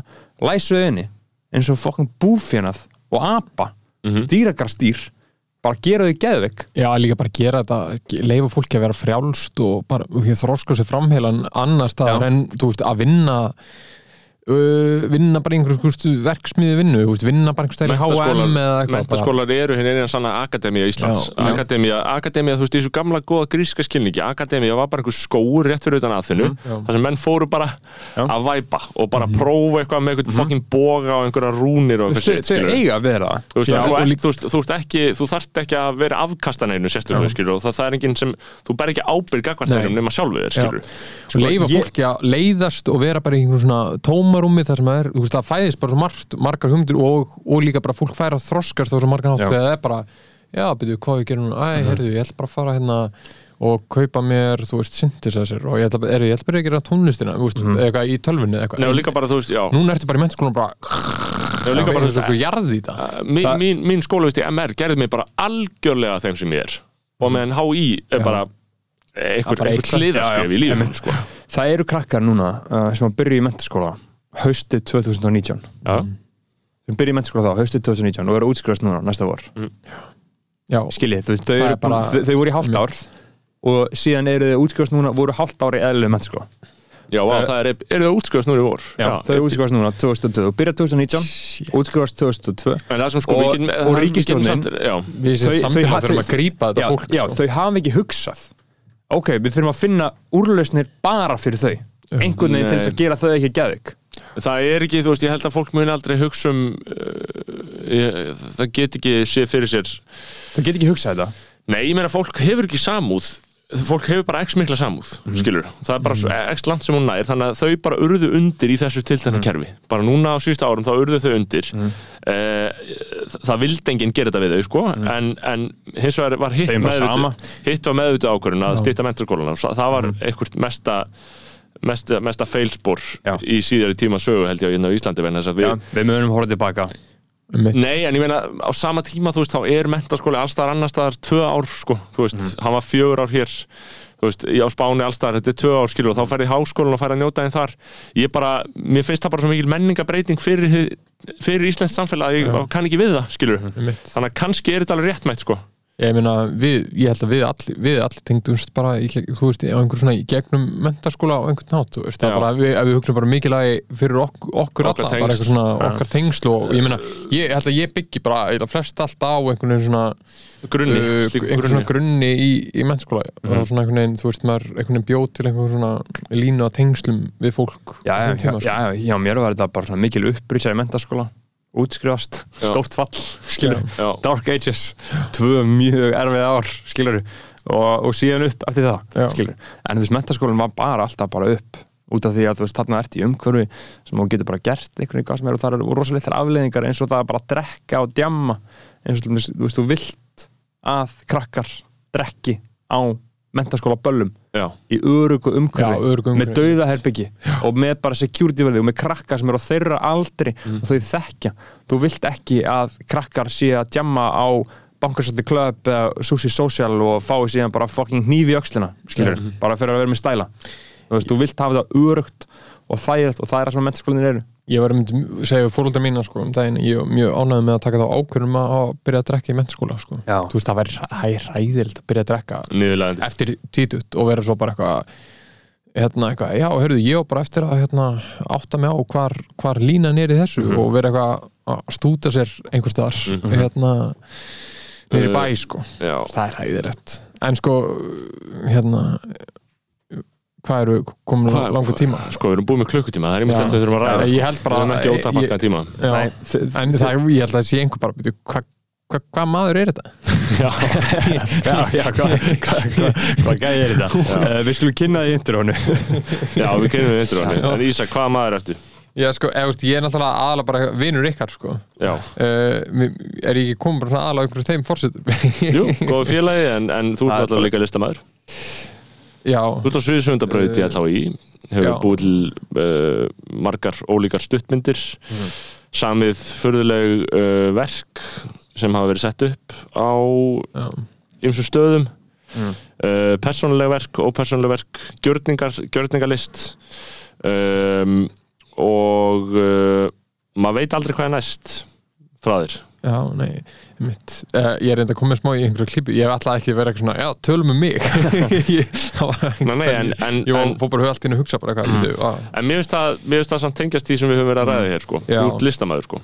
Já, Er það ekki hræðilegt hlutskipti? uh, jú, ég, ja, ég veit það ekki sko, maður er svona þetta er bara svona um, já Svo bara misjant sko, já, svo misjant sko, hva, nú er að lifa á tímum þar sem að fólk annarkvort identifæri sem listamenn eða ekki, skilur. Já, já, ég, Ég hef ákveðið- ekki þar. ég hef ákveðið að vera svona bara, já, ég, já, ég er bara listamæður að því sko, ef, ef ég bara svona í álfurni, ef ég myndi ekki svona uh, ætla mér þetta uh, þessi hlutskipti í lífinu þá myndi ég í álfurni vilja vinna bara svona vinnu þar sem bara hugsa ekki neitt eða svona, þú veist, ert bara eitthvað að setja tapp á flöskur, Mhm. eitthvað svona. Og ég, ég pröfaði að vinna það, sko, síðast að í COVID var, Já. að, var að gera svona spritbrúsa setja Setja loka sprit, sp- spritbrúsa og það var ein magnast að vinna sér unnið. Já, varstu mikið að hlusta Ég skoðanabræður. varst að magna, já, ég var að hlusta bara alls konar podcast. Já, og hérna eh, skoðanabræður, Sölva Tryggva. já, eh, mikið að hlusta og Sölva, ég held ég að hlusta á alla þetta nema, Já. kannski, nema hann við íþró, sumt íþróttafólk. Já, uh, en, en hérna já, þú veist, ég gerði það eins og COVID og það var bara magnast sem ég gert sko. það var bara svona að vinna einhver svona vélavinnu. Já, ég, Já. ég hug- hugsa oft að, að ég væri til að geta hlusta á, á hlaðvörp í vinnunni. Ég get ekki hlusta á eitt orð. Uh, Já, einmitt, Þa, það, ég meina það er mér, mér fannst ég þá að koma að einhverju svona, nú er ég að lifa einhverju svona fullkomnu lífi. Mhm. Þú veist, ég er bara, ég er að hlusta það sem ég vil Þú veist, ég var að hlusta á einhverja bækur og eitthvað. Ég er bara innbyrð alls konar. Innbyrða mikið. Og svo bara, því ég fyrir heim þá fór ég bara að gera það sem ég vil. Já, og veist, þetta var einhvern veginn svona, þetta var einhvern svona fullkomin einhver svona vinna.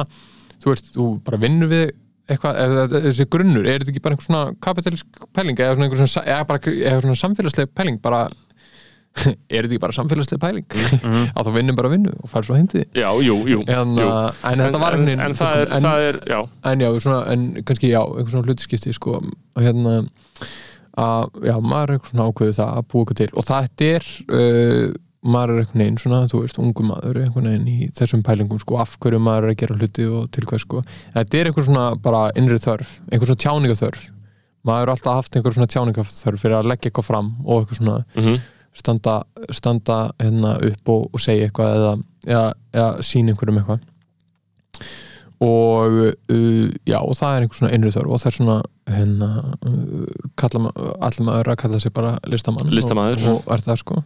Það er, já, en ég, þetta er bara svo háflugt orð. Já, Ef þú það er maður er svona eitthvað já, li- lista, listamaður. Það er þetta að vera sniðugt og, og gáðilegt allt já, eða þú veist, og maður er svona já, helstu listamenn landsins uh, eitthvað, Mhm. Halldór Laxnes og maður er eitthvað, já, er ég er ég hann? Já, en, en já. Já, og svo, og svo gerir maður eitthvað svona alls konar dæmi. Og þetta er einhvern veginn svona ég hef alltaf bara hort á þetta er einhvern veginn svona fullkomum tækifæri maður bara gerir eitthvað og það fer algjörlega eftir bara tilfinningu. Og þú veist, þú þarft einhvern veginn ekki að vita eða byggja, eða þú veist, þú þarft þess ekki en þú gerir það á endanum sko. En þú þarft ekki að vita neitt, getur bara gert eitthvað. Og það, og það er ekkit rámt eða rétt. Mitt að maður kemur einhvern veginn úr svona umhverfi þar sem hérna er bara skólaumhverfi eins og við þekkjum allir. Þar sem allt er bara svona þetta er svona, þú veist, þe- þetta er ránt og þetta Já, er rétt.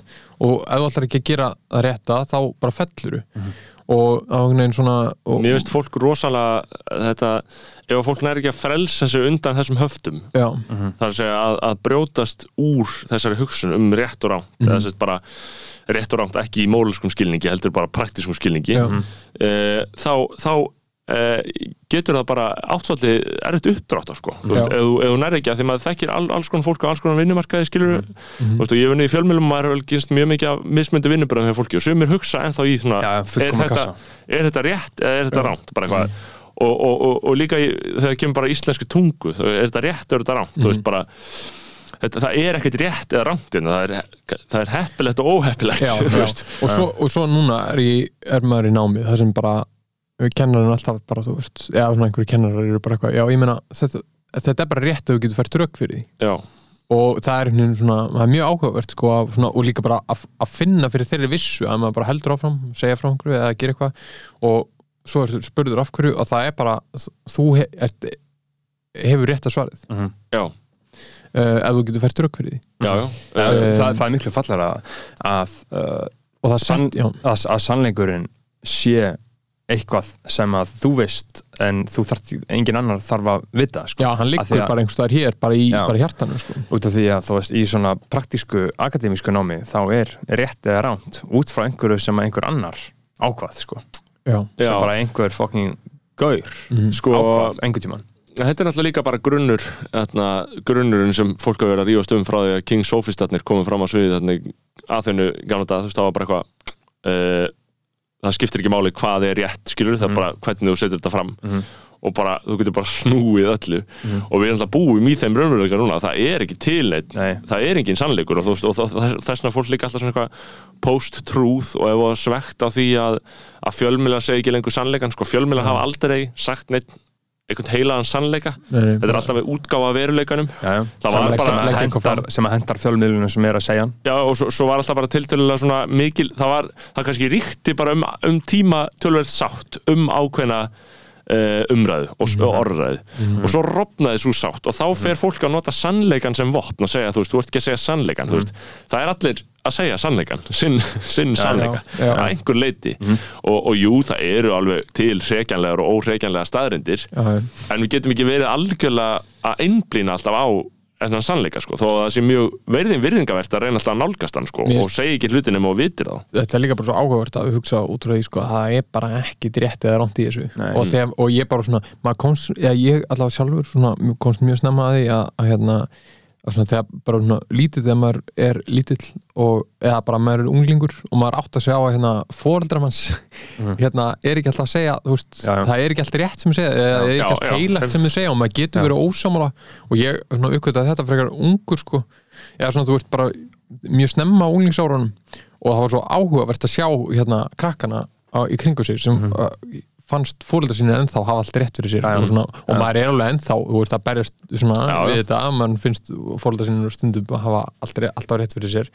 En svona þetta er en þetta er eitthvað svona uh, ángi af því að, halda rétt og rámt í öllu og, þú veist, og eins og þú að tala um beggi um daginn bara svona skóla þú, og svona, hérna, tala um skólakerfið hérna, það væri bara eitthvað svona hugmyndalegt dæmi Hugmyndafræði ríkistjórnar já, hugmyndafræði ríkistjóðar og bara svona, og heimsins þannig að við eigum bara að læra þetta og, af, og við erum líka að velja þú ert að læra þetta og leggja áslá þetta frekar en þetta. Mhm.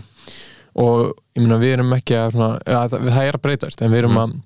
að leggjum ekki mikið upp úr svona frumkvæði og fólk eigi að ebla Nei. eitthvað nýtt í sér Gagnrýna og koma eitthvað nýtt. Við frekar um að halda því niðri ef eitthvað er.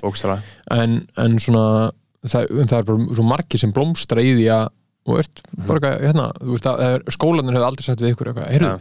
pröfu þið bara að vera með podcast þar sem þið bara talið saman einu sinni í viku og svo kannski talaðið um einhvern annan uh, á föstudum Mhm. og það eru einhver snild sem getur komið út úr því þú veist, það er bara aldrei að það myndi eitthvað gerast nei, nei. Nei. Og, og, og, og skólanir kenna líka ekki sko, sem að ég er alltaf að skilja betur og betur og betur og betur. Að það er ekkert sko, uh, hvað er flott eða hvað er vond eða hvað er gott. Það fer ekkert eftir í, sko, einhverjum stöðlum eða eitthvað, það fer bara eftir nákvæmlega einstaklingur um hverjum og einum og hans algoritma, þú veist, Já. hvað eru referenspunktanum þínir, þú veist, hvað einhverjum finnst flott, einhverjum gaur sem er með algoritman sem er bara geðið mikið að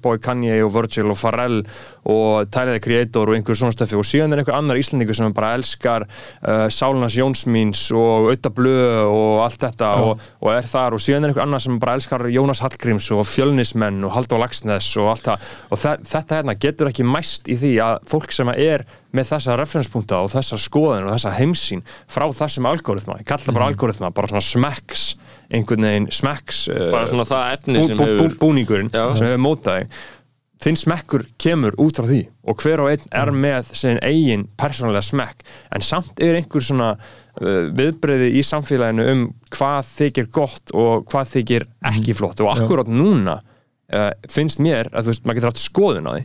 Smekkslefel er mjög lágt skilur veist, það, það, það er núna þú veist, flest allt sem svona út, kem, kemur og því að allt kemur út frá símum allt kemur út frá Instagram þá verður allt svona svolítið uh, það er svona einhvern veginn úrkynjast og allt er ekki alveg svona jafn fallegt en þá þarf maður einhvern veginn að leita annað að því og þá er ég bara að tala um sem er bara mjög vinsælt sem er bara svona virkilega það er að segja svona ef þú ferð bara í svona meginstörums fagfræði Já. því finnst hún uh, ekki góð út af mínum algoritma skilur, Já. ef að minn algoritmi væri þessi meginstöðins Já, fagfræði og líka persónuninni, bara hv- hvernig Já. þú ert skapaður Já, og já. tilfengi gerðið þitt og allt þetta au, au, auðvitað, auðvitað, en ég er aðalega að tala um smekk Já. hérna Já. og bara hvaðan ég var að fá allt mitt shit, hvað ég var að lesa, hvað ég var að horfa á hvað ég var að hlusta á og þetta getur verið svo rosalega mismund og síðan ef við tölum um sköpun, hvað kemur út frá því, það er bara einhvern veginn blanda af Já. öllu þessu shiti en sko út af þínu smekk uh, þess vegna er ekki hægt að deilum smekk sko, vegna þess að þú, þú ert bara, þetta er svo deilum náttúrulegumál og mörgu leiti Já. sko. Og, og þetta er eins og maður sér að því að þú veist, ég er líka í uh, listnámi, það er ekki einhvern í ritlist hjá skólum uh, frábært. Fucking epist það er allir, það er bara verkefni sett fram og allir gera eitthvað fullkomlega út frá sér og það er ekki verið að elda eitthvað þú, þú ert ekki að elda einhverju rétt eða röngu Nei. hérna, og ná upp í alltaf ég fór sjö eða, Nei. eða tíu þetta er bara, heyrðu, gera þetta besta bara, vinnur, gerðu bara þetta og Já. þú færð líklegast staðið að þú gerir verkefnið en það er bara undir þér Já. komið hversu vel þú gerir það og hversu mikið metna þú ætlar að leggja í það og skapa þitt og, og, og, og, og það að, sko, að, að upplifa þetta núna í fyrsta sinn eftir að hafa verið í akad akademísku námi uh, uh, all, allt hitt námitt það að þetta er bara spurningum þína sín og þinn smekk Já. þú lærir svo miklu meira af því og þetta gerir forsendunar uh, allt aðrar. Af Mhm. En það hverju er, þú ég gerir bara, þetta ekki? það er held ég bara líka þú ert ekki, þú ert ekki að chasea einhver engun þú ert ekki að gera það sem heldur að kennarinn muni fíla. Nei, en það er þá mikilvægt í listnámi sko. í öðru námi þarf þetta náttúrulega að vera hins einn skilur, í venlilegu akademísku námi þá, þá þarf þetta náttúrulega bara, þá þarftu ramma skilur, þá Já, þarftu og, það, kvata og sko. það hendar mjög mörgum og maður, bara, maður virði það sko. Þú veist, í, þegar ég var í íslensku þá bara uh, fegstu engun á skalanum 0 til 10 fyrir framistöðu þína í áfanga sem var bara íslenskt fornmál, bara hardcore miðalda málfræði um það hvernig tungumálið var byggt upp á miðaldum þú fer ekkert inn í það á tilfinningunni og en- þú fer bara inn í það á en- þeirri þekkingu sem líka fyrir og hvernig þú vinnur með það. síðan er það líka, eins og ég er núna í einum akademískum kurs núna, uh, bókmyndafræði í íslensku deildin háskólanum uh, á BST sem ég höfði taka svona sem uh, aukagrein. Og þar fann ég, við fórum í tvö lokapróf og fyrsta, eða fórum í tvö svona eitt, tvö stóru próf í öllum áfangunum og fyrsta prófi var þannig að þú fegst 60 hugtök og þú þurftir að leggja því öll að minnið, bara eitthvað svona bókmyndafræði hugtök. Þú leggja öll að minnið og síðan þarf að mæta í prófið og það komu 7 hugtök. Þú þurftir að læra 60, ég man ekki alveg hvað það var mörg og þú þurftir bara að læra öll utan af til þess að geta svarað síðan 7 sem komu í prófinu. Uh, ég lærði fyrir þetta, fannst allt í lagi kerið í gang, mætti í prófið gekk ákveldlega, kom svona svolítið það sem ég var, að, ég var að pæli og lærði ekki mikið, ég man ekkert ég las nefnilega ekkert bókina. Ég lærði bara hugtökinu utan að Mhm. og síðan var setna prófið, heimapróf út af uh, skemdemic það var heimapróf Mhm. og þá áttum við bara að vera um bókina. Og þá voru bara ritgera spurningar. Og þú þurftir að hafa lesi bókina. Þú hafði bara klukkutíma til að gera þetta. Og þurftir að hafa lesi bókina og raunverulega skilið þetta til þess að geta svarað því sem ég var að spurjum þú þurftir ekki að leggja þetta minnið. Mhm. og ég hugsaði bara, wow þetta er svona á að læra. Já. Svona, þú þarft ekki að kunna neitt utan að. Einmitt. þú lærir þetta utan af ef þú tengir við þetta. Já, já. Já, maður Og- þekki og- marga og- góða með pákökuminnið sko sem Já. hafa, sem hafa nýst, nýst þeim vel sko. Já, ef þú tengir við þetta. En þetta væntalega öll próf bara vera svona. Það sem að þú ert bara með akademísk próf í bara í, í, í öllu. Þú þarft ekki að mikið, utan það, það sem er þarna, líka á að þetta reyðir á bara pjúra skilning. Já, já. bara að skilja sétti að skilja sitið uh, í leiklist þá þarf fólk að læra uh, setningar uh, og farsvið muna heilu leikritin. Og ég hugsa oft þegar ég sé leikara inntak setningarinnar eða manan setninguna. Hvort það sé algengara, það er auðvitað svona bland beggja sko Já, maður heyri aðalega af svona gömlum eldri köllum sko Já. sem eru svona komnir á, á einhvern aldur sem svona muna kannski frekar svona indagssetningar en það, það fer heldur, það er, verður bara eins og svona vél hjá fólki sko, Já. það man bara það Setningarnar. er bara, í, og þetta kemur bara, þetta fer í svona líkamsminnið það stendur bara á sama staðnum og þá bara ke- kemur setningi bara ósar rátt bara Já.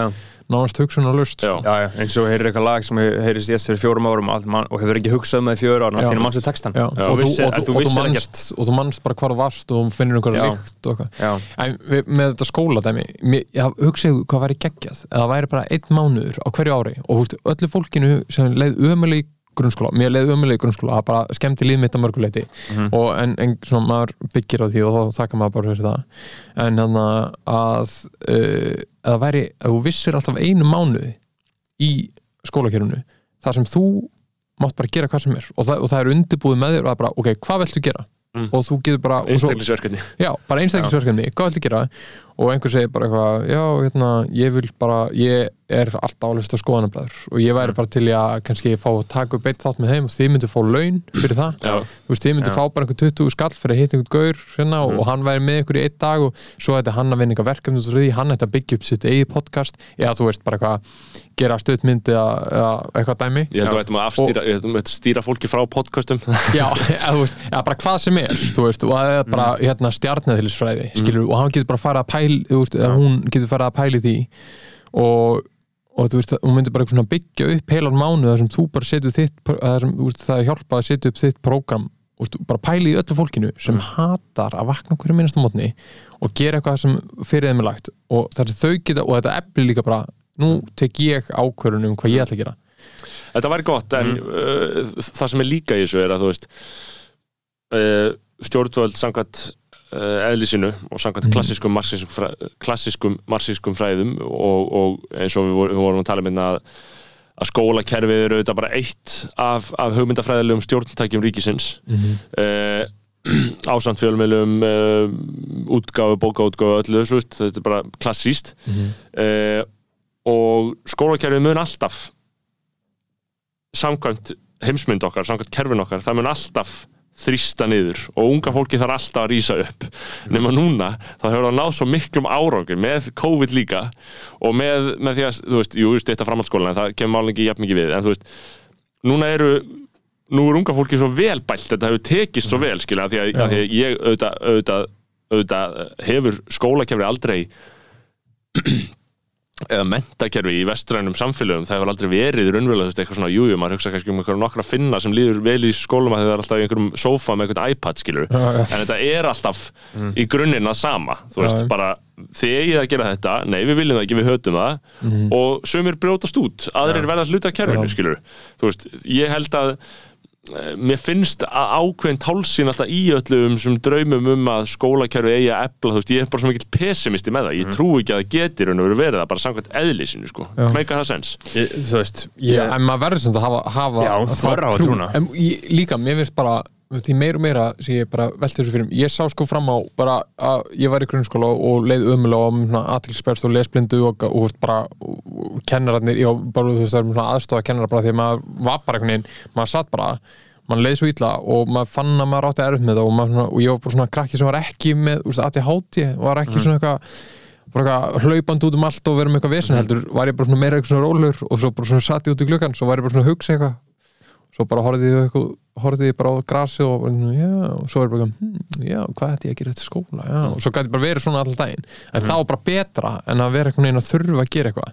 En svo bara um leið og það var eitthvað, heyrðu, hérna höldum hérna ársóttíð eða gerum eitthvað og þá var maður bara eitthvað fremstur, bara já, heyrðu við gerum þetta svona, svona, svona og svona, svona og þú veist, hérna, við ætlum að setja upp inn eitthvað leikrit eða við ætlum að vera með einhverja þú veist, það, einhvern veginn, maður fekk að taka ákvörðunum sjálfur, veist, hvað vilt þú gera? Og það, það er svo mikið bara ég held að það sé bara versta sem manneskinu upplifir er að hafa stefnuleysi og bara hérna og, og, ekki vita hvað hún vill gera. Já, það er alltaf bara að að leiða þig alltaf í gegnum allt. Já, já. svo kemur bara því og útskrifstum úr menta, mentaskóla eða bara grunnskóla og bara hérna í hvaða mentaskóla viltu fara? Og bara, uh, ég veit ekki, þú veist, við fyrir bara hana, hana, skólan sem hinn uh, hérna, krakkandi fari eða þú veist eitthvað, það er bara svona að ebla þetta í þér að vera bara hvað vil ég gera? Frumkvæði, bara hérna, hvaða ákvörun hvað finnst mér flott, hvað finnst mér skemmtilegt maður er einhvern veginn alltaf að heyra sögur fólki sem bara æ, já, já, bara alltaf að gera þetta eitthvað. svo bara fattaði, mér nokkað að gera þetta. Já, Já. og hvað er þetta gaman, já, já, ég er nú bara eitthvað 39 ára, skilur, Já. bara eitthvað, ég var bara uppgötaði allt. núna. Já, Sko, já, þetta er, það er, það vantar upp á þetta í okkar samfélagi að fólk viti hvað það vilji. Já, uh, og það er svona, er mjög gaman að hitta fólk sem veit hvað það vill. Já, uh, það er mjög áhugavert fólk sama hvaða sviðið það er. Það Mm. er bara kraftur í slíkum einstaklingum þegar það veit, þegar þeir vakna á hvernig degi og vita hvað Já. ætla að gera og vita hvað þeir vilja gera. Einmitt. það er stefnuleysið að vera eins og rótlust þangið, það er hræðilegt. Og ég meina þú veist það ekkert að þið líður illa í skóla allan daginn. Að bara, að, bara að, öll, að krökkum, bara leggjið upp úr því að öllum krökkum líði bara vel. Það skiptir ekki máli hvort að manneskjan kunni að stafsetja 100% eða þú veist hvort að læri ógeðslega vel að, að skrifa eða eitthvað, þú veist, jú það, við leggjum upp úr því en, en við, þú veist að manneskinu, ef manneskinu líður vel þá getur hún lært að skrifa. Mhm. bara 100% bara, ok, hvað hefur þú áhuga? Ok, skrifa, skrifa um það, segðu mig frá því. Og byrjum bara hérna. Að, leggja upp því. Og það er það sem er svona ég held að ætlunin sem er svona einstaklingskennslu og svona sem hérna veist, að námi sér fyrir einstaklingin þú veist, það sé svona byggt á þessu. En það verður að gera miklu meira því eða allavega, þú veist, það er ekki svo langt sér að maður verið í grunnskóla þannig að hérna að, að verður að leggja upp og bara hvert er áhuga sviðist og svo stundum hittum maður krakka og það, þau bara veit ekkert hvert áhuga sviðið sitt er. Veit ekkert hvað þú eru áhuga á. En það hefur áhuga á einhverju, þá er það bara að grafa eftir. Já, já. og hugsið ykkur að bara svona kerfið sem slíkt sé ekki að hjálpa þér að koma að staði hvað Já. það er sem þú hefur áhuga á. um, hver er metnaður þinn? metnaður þinn, sko, við þurfum að við hefum, við hefum lítinn tíma. Mm, en það, við það, að, það, við það er hjóli nokkur stórmál Já, þannig við ljúkum uh, skólakjöris uh, á. Þa, þá er það bara því að við vorum að tala hérna um Haldur Lagsnes áðan og bara eitthvað uh, 40s, 50s, 70s, 60s þú veist, uh, hvað fólk veit og hvað tól fólki er með til þess að breyta kerfinu það þarf fólkið sem að stjórna því að breyta sjálfum sér, ég trúi því svona ein, einstaklingstöf Já. og eins og Óli Steff er búin að vera að gera í skólanum bara eitthvað king shit, nú er hann bara eitthvað að sækja sér mentun í sálfræði Já. og kemur öruglega tví elftur tilbaka Já, hann er að fara í grunnskóluna og segja þeim sögur og hann er með geggjaða pælingu sem er að búa til svona ævintýraland Mhm. uh, inn í eitthvað svona, ég man ekki alveg hvað þetta heitir eitthvað sagnastofuna eða eitthvað, Mhm. ég held bara eitthvað ævintýraland í hverju, hverju stofu. Þar sem hann, er bara að mæta með alværu og hatt og hann er bara svona að fá krakkana með því að segja sögur og vera svona og svo gefur tröllkallinn og, eitthvað og pæliði bara öllum krökkunum að fá að svona fara út í sínu formi og bara fara einhverja aðra fyrir það er bara, það er magnað sko. Já, Já, algjörlega. Og, og, við, og við bara höfum svo mikið shit í dag sem við höfum ekki uh, þegar var verið að establisha þessi kerfi uh, sem Haldur Lagsnes hefði ekki. Við höfum svo mikið af stöffi sem að getur við lift höfum fólki. reyndar allt og mikið sko að því Já, þú veist, við, Já, við, eða við þurfum allan að bestla en, þetta en í við, okkur við, í við, höfum líka slæmt shit, skilur, þú veist, ímyndi ykkur að Haldur Lagsnes hefði bara, þú veist, kaldabottin og Wim Hof og líkamsrækt og sveppi, LSD, MDMA fucking gymmið, allt þetta shit, skilur Já. þú veist, þetta væri allt annað en Já, samt en sko, sem- við bara kljást við það sama Já, Þú og líka- það kemur alltaf út af því sama Ég hefði ekkert viljað að Halldór Lagsnes hefði hægt að vera toxic sko. ef hann hefði hægt að vera toxic þá hefði mjög lítið af þessu komið út sko. það hefði bara verið öðruvísi Já, það Já, það- hefði verið bitlausara sko. það- það- varum miklu frá Kasmír. Þetta var skrifað toxic einstaklingi sko, Já, þú veist, það, er ekki hægt að segja til um það. Það hefði bara verið uh, annars eðlis. Og það sem ég er að segja að, þetta er líka bara venjulegt fólk sem hefur áhrif á samfélagið og getur breytti þú hefur- þú hefur verið sko, með mið Íslandi ég bara fattaði um daginn. Þú hefur verið með mið Íslandi í bara tíu ára eða eitthvað Já, ég, ég, ár, ég byrjaði, því- ég var á fyrsta ári mentaskóla þá byrjaði ég að vinna með þeim Já. og Eh. hérna, eða svona bara þú hefur hort á ófá uppistönd bara all, heldur, þú veist, það hefur enginn á Íslandi hort á Nei. eins mikið uppistand á uh, Íslandi, þú veist, það Já. enginn séð þá hérna menn, þeir eru fimm eða eitthvað jafn oft flytja uppistand þú veist, ég bara og meiri segja sko, ég hugsaði tilbaka alltaf þegar krakka voru eitthvað svona frá á mentaskóla böl og bjó, mm. ég fór ekki á bjórkvöld ég fór aldrei Nei. á bjórkvöld að ég var alltaf að sína mig með í Íslandi Já. þetta svona var þú ert þess að þetta, þetta, þetta rændi mér æskunni sko. Já, þú hefur svona séð um framleiðsluna bara eða veist Já, ég var, já, svona eiginlega bara eitthvað svona já, uh, og, og þetta var, þú veist, miðvíkudag þegar mest var, þá var þetta sko fyrstu fimm mánuði ársins uh, var þetta, hérna, miðvíkudag, fimmtudag, föstudag og laugardag. Öll kvöld. Öll kvöld. Og, og þú veist, ég bara því ég var í mennskóla, vissi ég ekki hvað fólk gerði um helgar og bara svona, þetta, já, þetta eins og ég segi, þetta, og þetta ól mig mjög mikið upp sko, er, all, og allir þessi menn eru bara svona eins og uh, eru bara eins og feður mínir sko. Og ég á bara svona í svona uh, eða svona, þetta er allt eins og svona stórir bræður mínir. Já. og uh, og þeir hafa bara, þú veist, ég er alltaf átt að með meira og meira á því, sko, bara ekki mótað mér mjög mikið, sko, ég er náttúrulega ég bara hef chillað með þeim meira en bara mörgum af minnum góðu vinnum, sko. E, þannig lagað, þú veist, allavega á þessum árum. En að, mm. en þetta er þeir, þeir, voru, þeir voru og eru þeir voru, þetta var svo ógislega vinsælt skilur, Já. þetta með Ísland stótt já, þetta, þetta var bara eins og fara sjóin, sko. Já, Já. uh, eða svona, þú veist, þessar sýningar eða þetta eru bara, þú veist, ég held að hefur verið alltaf einhverjar 70-80 sýningar uh, á hverjum vetri, sko sem er frekar mikið, Mhm. þannig en hérna en já, bara ekkert um, nema gott um það að segja, sko. Og finnst þér uh, finnst þér þeir hafa uh, finnst þér grín er að hafa breyst og hugsa um það, hvernig grín hefur breyst á síðustu árum? Eða er þetta alltaf sama?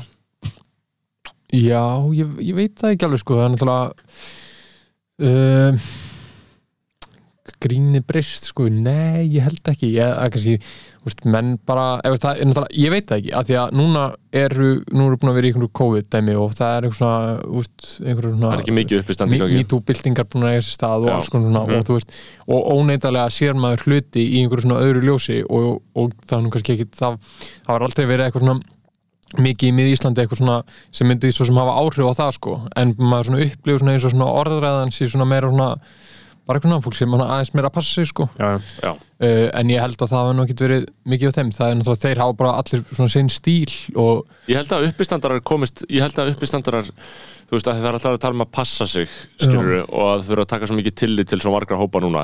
Já, ég en- held að þú megir samt alltaf grínast sko. og líka bara þegar þú ert mættur uppsendsýningu þá hefur bara meira leifi Já. en annars þar já, uh, og, og það er líka bara að- og, og, og, þú gerir bara sáttmála líka, þú, veist, þú ert að borga inn á þessu sýningu og þá getur þessu uppistandari hann, það er hann sem ræður Já. hvað má segja hér inni og, og ekki sko. En, en með Ísland kannski þú veist, ég veit ekki það er kannski ekki verið eitthvað það, það hérna grótest þannig sko Nei. að þú ert einhvern veginn bara eitthvað oh, fuck, er hann bara að segja þetta? En, en sko, ég myndi kannski frekar segja að þeir séu bara allir mjög mismunandi, ég held að svona uppstand stundu þeirra hafa ekkert breyst eitthvað, það, það mikið á þessum árum sko. Nei, nei, bara þetta er aðtilsvöld að þetta er svona eiginlega listgrein sem varð bara til þarna upp úr þurru, sko, á Íslandi. Já, Það var aldrei gert, það var alltaf eitthvað svona ömurlegt, ógeðslegt, gamalt, íslenskt, úldið grín.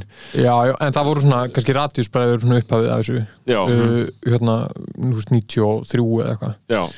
Uh, og, og þeir voru, þú veist, þeir voru bara þeir voru í suttanum sko. Já, já, já, og þeir voru meira bara svona svona se, þú veist, segja bara eitthvað alveg hræðilega hluti. Þú veist, sem gengur bara alveg harkalega fram á fólki. Já, já, og svona já, stundum. og bara mjög rættið og bara, þú veist, taka fólk fyrir bara sem var í salnum og bara hakka það í sig. Og bara það í sig. um, en já, ég bara og það er mjög margt já, þetta hefur allavega já, svona, hva, mig varðar sko með þá sko. þetta hefur, þeir hafa haft mikil áhrif á mig, ég meina, og svo er ennþá ég var, Hvort sem allir góðs eða íls. já, ég held að það sé Landbeggja. kannski, ég get svarað því setna sko, þegar fram, fram í segir sko. já, já.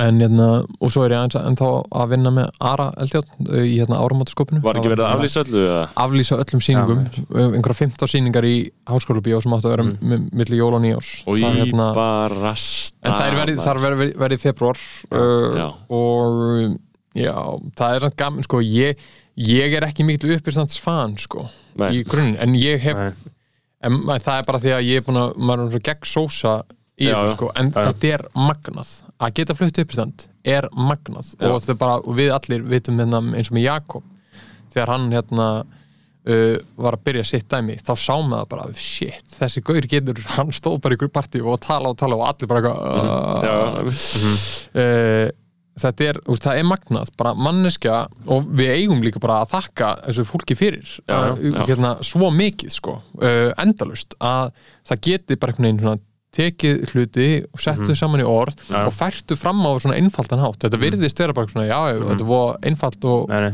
En þú ert er- í raun og veru bara samfélags, þú ert bara grein í samfélagið og skilurðu? einmitt. og, og bara, þú veist, og það þarf ofta ekki að vera flókið, það þarf stundum bara að segja það sem er í gangi Já. og maður bara, wow, já, djúlega þetta er rétt og þetta er bara, veist, þetta er svo En geggjað á sama tíma er þetta líka svolítið síkótist í eðlisinu sko að treysta þig til þess að vera að taka eitthvað rými og allir eru bara að hlusta á þig já, ég meina, það kemur og til bara þess að frá hlæja, þú veist, það er miklu meira stressandi að láta ykkur hlæja en að segja eitthvað Já. gáfulegt sko. Já, og ég meina, ég held að komi bara frá einhverju svona, hérna uh, vannliðuna tilfinningu sem Já. við varum að tala um, Já, veist, þetta er bara grunni bara liður er já. og þú, þú vilt bara fá okkur samþyggi og, ég meina, og þaðan kemur það svona jákvæða út úr, út úr vannliðan, ég meina vannliðan er líka bara mjög góð og það er það sem Já. líka kemur fram í hérna, kemur fram, tökum fyrir bara aftur í ringi hérna með þetta að hérna í biblíunni, að þú veist, það, það sprettur eitthvað gott úr, úr myrkrinu, þú veist, Já. að Já, þú sérðu endan og ljós í myrkrinu, sko. Já, já. og Jésu dó til að frelsa okkur. Já, já.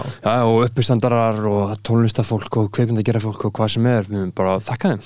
Já, já, það bara- þurftu, þurfu ekki að gera þetta. Eins og við talum Begga Ólafs sem það fyrir aftur ringa þú veist, bara að bæta einhverju við samfélagið. Flækja Já. samfélagið og það er bara, við viljum hafa flækja þetta eins og mikið hægt er, eins og mikið fjölbreytni hægt er. Já, líka bara svona að leggja eitthvað fram sko. og þú veist, einmitt, það er enginn að byggja þig um þetta, það Nei. bað enginn hérna Halldór Lagsnes um að gefa út þessu bækur Nei. en svo bara, þú veist, ef það er bara eitthvað, eitthvað sem við hefum að telja upp bara sem einhverja menningu þessar lands þú veist, og hvað er það sem lítur á okkur sem þjóð og þá Mm. er það bara Halldór Lagsnes, þú veist, Björk og svo bara gat- getum við haldið áfram að telja en þú veist, það baði enginn um þetta Nei, mér. og, það, og þess vegna hérna, þess vegna er þetta líka svo áhugavert Já. bara eitthvað að fólk leggja eitthvað fram sko. og maður er alltaf svona að upplifa meira og meira svona þakklæti gagvart í því að fólk bara hefur trú á einhverju og fylgir því, já, stendur við það. Þú veist, og, bara, og, og, og býr eitthvað til sko. Sverum við þá. Algjörlega, þannig að ég held að við uh, séum búnir að uh, fara yfir Ísak, uh, hvernig er að koma loksins í ráðunetti skoðanabærara það er, eftir allan annan tíma. Já, ég, sko, mér finnst þeirra svona þættir sko skemmtilegast þeirra sem bara verið að ræða alls konar og Já. þú veist, ég held að við höfum ekki sko, við reynda náðum að Við fórum full circle. við fórum, Já. fórum full circle sko. Það er engin lausi þræður, það er svona hlust, hlustendur út yfir á laus, lausum Já. þráðum sko. já, já, já, þeir finna þeir En ég finna, reynir sko að lofa aldrei, ég reyna að segja aldrei í útarpinu að við ræðum það betur á eftir að því að ég gera það aldrei Nei, einmitt. Það er mikið í sumum þáttum en við, við komum kannski betur á því á eftir Já, Við komum svo er betur. Svo er það ekki gert sko. einmitt uh, Það er svona engin lofórð, enga Já. væntingar já, mér finnst mjög gaman svona þegar fólk er bara að ræða eitthvað sko.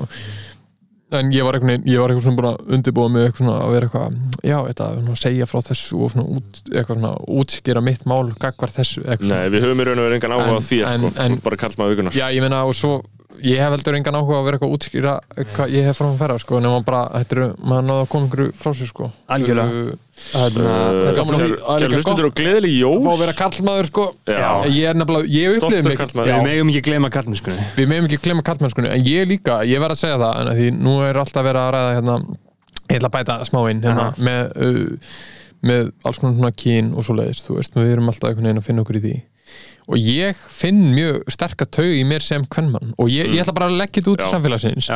Að hérna og, og, og konum finnst þetta allir bara, ég segi þetta stundum konum Mhm. og þeim finnst, þeim finnst þetta bara svona óaðlaðandi að ég skulle segja Mhm. þetta. En ég finn mjög svona sterka kvenn taug í mér. Já.